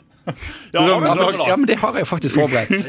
altså, det er veldig, veldig, spennende. Han trodde han skulle til Heia Men, men mens han eh, finner fram eh, drømmelaget, så, så, er det jo eh, viktig å si til alle eh, at man må være ærlig om situasjonen i klubben. Man må fortsette å engasjere seg. For den dagen man tenker nei, vet du hva, dette her gidder jeg faktisk ikke diskutere lenger, jeg gidder ikke skrive eller snakke om hva jeg mener burde blitt gjort annerledes i klubben, så er jo klubben og, og det engasjementet dødt. Og ja. dette, men det blir det ikke. Nei, det går ikke. Men selvfølgelig, når klubben har gjort det dårlig sportslig, og så kommer du til et punkt hvor du da føler at likegyldigheten slår innover deg. Og, og der tror jeg vi har kommet nå. Jeg tror det er mange som eh, viser det ved å ikke gå på kamp, f.eks. Men som jeg har vært innom eh, før, det, når vi skriver om Start, vi merker jo at engasjementet at folk bryr seg, er jo der. Og særlig i, starter, nei, saker som handler om, om Start, sånn som den kunstgress Uh, gress, nei, Kristiansand Stadion, Sparebanken Sør Arena-saken. altså? Ja, selvfølgelig. Nei, selvfølgelig er ikke det overraskende. Folk bryr seg. Og som jeg alltid sier, den dagen Start begynner å prestere igjen, så, så kommer de tilbake. Drømmelag? Drømmelag, skal vi se. Jeg har jo eh, jeg har satt opp eh, laget i en eh, 3-4-3-formasjon. 1-3-4-3. Hæ? Styrevedtak på det i klubben, er det ikke det? En- Nei, eh, det, men det er jo kun for at jeg ønsker å få plass til mer offensive spillere. Ja, ok. Det, eh, men det var jo trangt om plassene på Men er det, eh, nå må vi eh, høre hvordan du har valgt. Er dette spillere som du har spilt eh, sammen med, eller eh, Roberto Baggio og Maldini og den gjengen der? Nei, nei, nei, altså dette er Startdrømmelaget. Det er et startrommelag. Dette er den, det jeg mener vil være den beste sammensetninga av eksisterende og tidligere startspillere. Ja, spennende. Eh, men det var utrolig vanskelig å sette opp et lag, for det har jo vært vanvittig mange gode spillere. Men i mål så falt, eh, falt jeg på Rune Nilsen. Eh, han har jeg spilt sammen med sjøl, og han, han sto faktisk en del i mål for oss på andre lag når jeg spilte der. Og det å ha han bak seg der, jeg følte jeg ble fjernstyrt. Det var høyre Kristoffer, to meter venstre, 30 cm høyre. Ja, jeg ser han er 30 cm fra.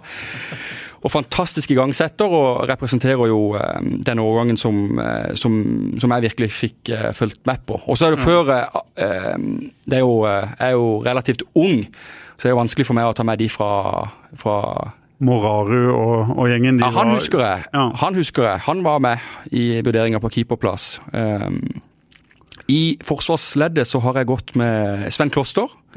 Spennende valg. Jo, men han, for min del så God fot. utrolig god fot. Var det Og, forbilde for deg på høyrebekken? ja, han var det, og han var også den som eh, Pannebånd og litt langt hår. Langt hår, og eh, han var Stine Sandnes, ei god venninne av oss, hun var jo helt vill etter Svein Kloster. Det var hos sin store. Ok, Og han, eh, han var på den tida på Kristiansand stadion hvor det var musikk for hjørnesparkene og sånn, og han tok jo alle dødballene og hadde en fantastisk god fot. Tenk om vi kunne fått Life is Life tilbake igjen på, på startkamp på stadion. Jeg skal være Til høyre bak en, en treer på Svein Kloster. Ja, det er nok litt, det er nok litt ubalansert satt opp, dette her ser jeg sånn i etterkant. Men også har jeg kjørt eh, Jeg har kjørt eh, Atle Roar Haaland i midten bak der. Han eh, var jo så skuffa først og fremst når han kom med på Olgera sitt drømmelag, så tenkte vi er nødt til å ta ham med på dette. Nei, men han, han representerer roen, eh, klokskapen og eh, Ja, han og Han kunne jo faktisk spilt i dag, tror jeg. Han Ja. Trente jo ikke noe på den tida da han spilte, og han trener jo ikke noe heller. Kjør, kjør han inn. Aldri sklitakla. Løper opp folk. Og så har jeg, så har jeg Jesper i en treer bak. Eh, rett og slett, eh, vi har, Hvis vi har en god fot på den ene sida, så må vi ha en god fot på den andre sida også. Og Det er bare folk du kjenner du har tatt med? nei, nei, nei, nei, nei, nei, det er ikke det. Hvor er Pål Lidersen og Klaus Eftervåg? Nei, men de eh, Nei, jeg synes... De når nådde ikke helt opp. Nei, Jeg er helt enig. de, de nådde Ikke i ikke nærheten. Det er fair, det. Ikke i nærheten, altså. Men den midtbanen vi har satt opp, den er spennende. Ja. Han er nok litt liten, ser jeg. Men det er, for min er det Fredrik Strømstad han, eh, han, han er nødt til å være på, med på det laget. Han var en eh, profil, og han er en som var jevnaldrende med meg, og som, eh, som, som jeg ser hadde elska å, å spille på start, eh, start i dag. Eh, Og så Myggen er jo eh, nødt til med. Han eh, jeg, Du kan ikke være et startdrømmelag uten Myggen, tenker jeg. Det kan ingen si noe på. Og så har jeg gått for et litt, eh, kanskje litt dristig valg, men jeg har tatt med Osman Nyan. Ja, Ah, Osman. Han var et kjempeforbilde for meg. For meg òg. Ja, og eh, jeg syns han var en vanvittig god spiller. Jeg husker når Start signerte han, så var det wow. Nå er Nyan om. Men det er jo det jeg sier, det blir jo litt smått her da med Strømstad, Myggen og, og Nyan. Jeg traff Osman eh, på Ullevål eh, sist Norge spilte landskamp. Da var han faktisk med som vakt for sitt eh, lokale lag. Eh, Sist gang jeg traff han før der, var i Drammen hos onkelen til eh, Jon Hartvig Børrestad, hvor vi da hadde et nydelig måltid. Preben, altså onkelen til Jon, lager de herligste biffer. og Da kom Åsmann inn eh, litt seint på kvelden, og det endte opp med eh, masse sang og god stemning. og Osman Nyan i ei hvit skjorte som var rød pga. et eh, rødvinsglass som hadde gått veggimellom. Så Osman han er en hedersmann den dag i dag. En fantastisk uh, gøy spiller å se på. Med fantastisk nærteknikk Og og et husker du det rykk. ene målet han hadde på stadion? Dempa på brystkassa, løp opp mot det gamle garderobebygget og bare murte han i vinkelen. Ja. Super Osman. Ja, det er spiller. Ja. Og så har vi gjort eh, midtbanen eh, komplett med den, eh, den eneste eksisterende spilleren. Og Et dristig valg, men jeg er helt sikker på at han kommer til å være en som, eh, som bør være på ethvert drømmelag om nå. Og det, det er faktisk Tobias, som jeg har hevet inn der, som jeg syns har noe, noe helt eget i, i spillet med, med disse vekta pasningene som bare lander akkurat der de skal. Se på de assistene han har hatt i år, det er jo eh, helt nydelig. Men jeg- som jeg sagt, jeg det ble litt smått her med, med de fire. Men vi rydder opp bak. Det går fint. Ja, det var akkurat det sånn jeg tenkte. Og så har jeg jo en, en fronttrio som jeg syns er utrolig eh, Der er det mye kreativitet. Der har vi um, Der har vi Bolanjos, mm. som er vel Det må være en av de beste spillerne som har vært i Start i, i nyere tid. Ja, Sammen med Myggen kanskje, og din far Jesper. Sånn kvalitetsmessig topp. Ja, jeg har uh, spilt VM, aldri og... spilt med en uh, bedre spiller enn Christian Bolanos. Jeg spilte med Erik, men det var Erik uh, på sine eldre dager. Jeg spilte ikke med Erik i hans prime. Da hadde jeg nok holdt Erik langt over. Men mm. av de spillerne som jeg har spilt med, Bolanos i en helt egen klasse. Og så har vi som, som spiss så har jeg valgt Toto. Han, han, var også et av mine store idol, og han var jo fantastiske avslutninger. og Han kommer til å få mye innlegg av Bolanjos og den andre kanten som jeg kommer til helt til slutt. så Totto var for meg et naturlig valg der. Og så har vi på, på den andre kanten, det er Svein Mathisen. Jeg har ikke sett Svein spille så mye, men uh, det hadde bare vært utrolig gøy å se eh, Jesper og Svein uh, spille, spille, sammen. og Mye lange diagonaler rett frem der, Jesper. Ja, det hadde blitt det. Men pappa Diagonaler er kanskje på tvers? Hadde jo sikkert en drøm om at jeg skulle opp igjen som spiss den dagen han gikk i pennalet. Så det hadde nok vært litt sårt for han også å spille sammen med en sønn som da faktisk ble midtstopper helt til knærne stoppa han. Litt sårt, det hadde nok vært. Jeg hadde gleden av å spille sammen med Svein én gang. Det var for mange mange år siden hvor vi var ute i uh, Sørlandshallen og skulle spille i romjula. Og liksom Derfor er jo dette valget klinkende klart. Altså, det var, vi var, Jesper var med, og det var faktisk ganske høyt nivå. Jeg dro jo nivået betydelig ned, men det var, det var høyt nivå på de som var med. Men Svein han tok jo styring fra første stund og dirigerte laget. og Jeg var heldigvis på lag med Svein, og vi valgte jo lekene lett. Og så har jeg jo også lyst til å si Det er mange profiler her. Det er viktig mm. for meg å få fram profilene. Og jeg har liksom den den kampen om å komme først inn til Jim Rune og deg mm. etter kamp mellom Svein og Jesper der, den, den har jeg lyst til å se. Det hadde vært en annen kamp enn sånn det er i dag, Kristoffer. Det, det, kan jeg i hvert fall si. Men det sitter jo en skuffa uh, høyring ute i Høvåg nå, da. Du vet det. Tusse? Ja. Han er på benken. Han er på benken. Ja, ja, ja, okay. Vi må ha med Tusse på benken, så vi kan gå helt i kjelleren der ute. Tusse er på benken. Har du laga en benk? Jeg har laga benk, og der, eh, der, eh, der, har jeg faktisk tatt Muari på Han går i um, Tastelåsen går på her. Muari i, i, mål. Så har jeg da, som du sa, Pål Lydåsen. Jeg har eh, Klaus Eftevåg og Marius Johnsen. Marius Johnsen spilte, eh, spilte, jo eh, mye på andre lag og hadde en fantastisk utvikling. Og så har jeg Doffen på, på midtbanen. Nevnte Tusse, Tusse Tønnesen og, og, Frank Strandli. Og sist en spiller som jeg håper kan bli en, en eksisterende startspiller. Kanskje en gang Mathias Williamson. Det hadde vært gøy å få ta han hjem til byen igjen. Ja, Det er fint drømmelag. Veldig fint drømmelag. Ja. Veldig fint drømmelag. Det laget hadde hatt det gøy. Ja, jeg hadde bytta ut Jesper, det var det første jeg hadde gjort. Hvem har du satt det? Pål Lydersen.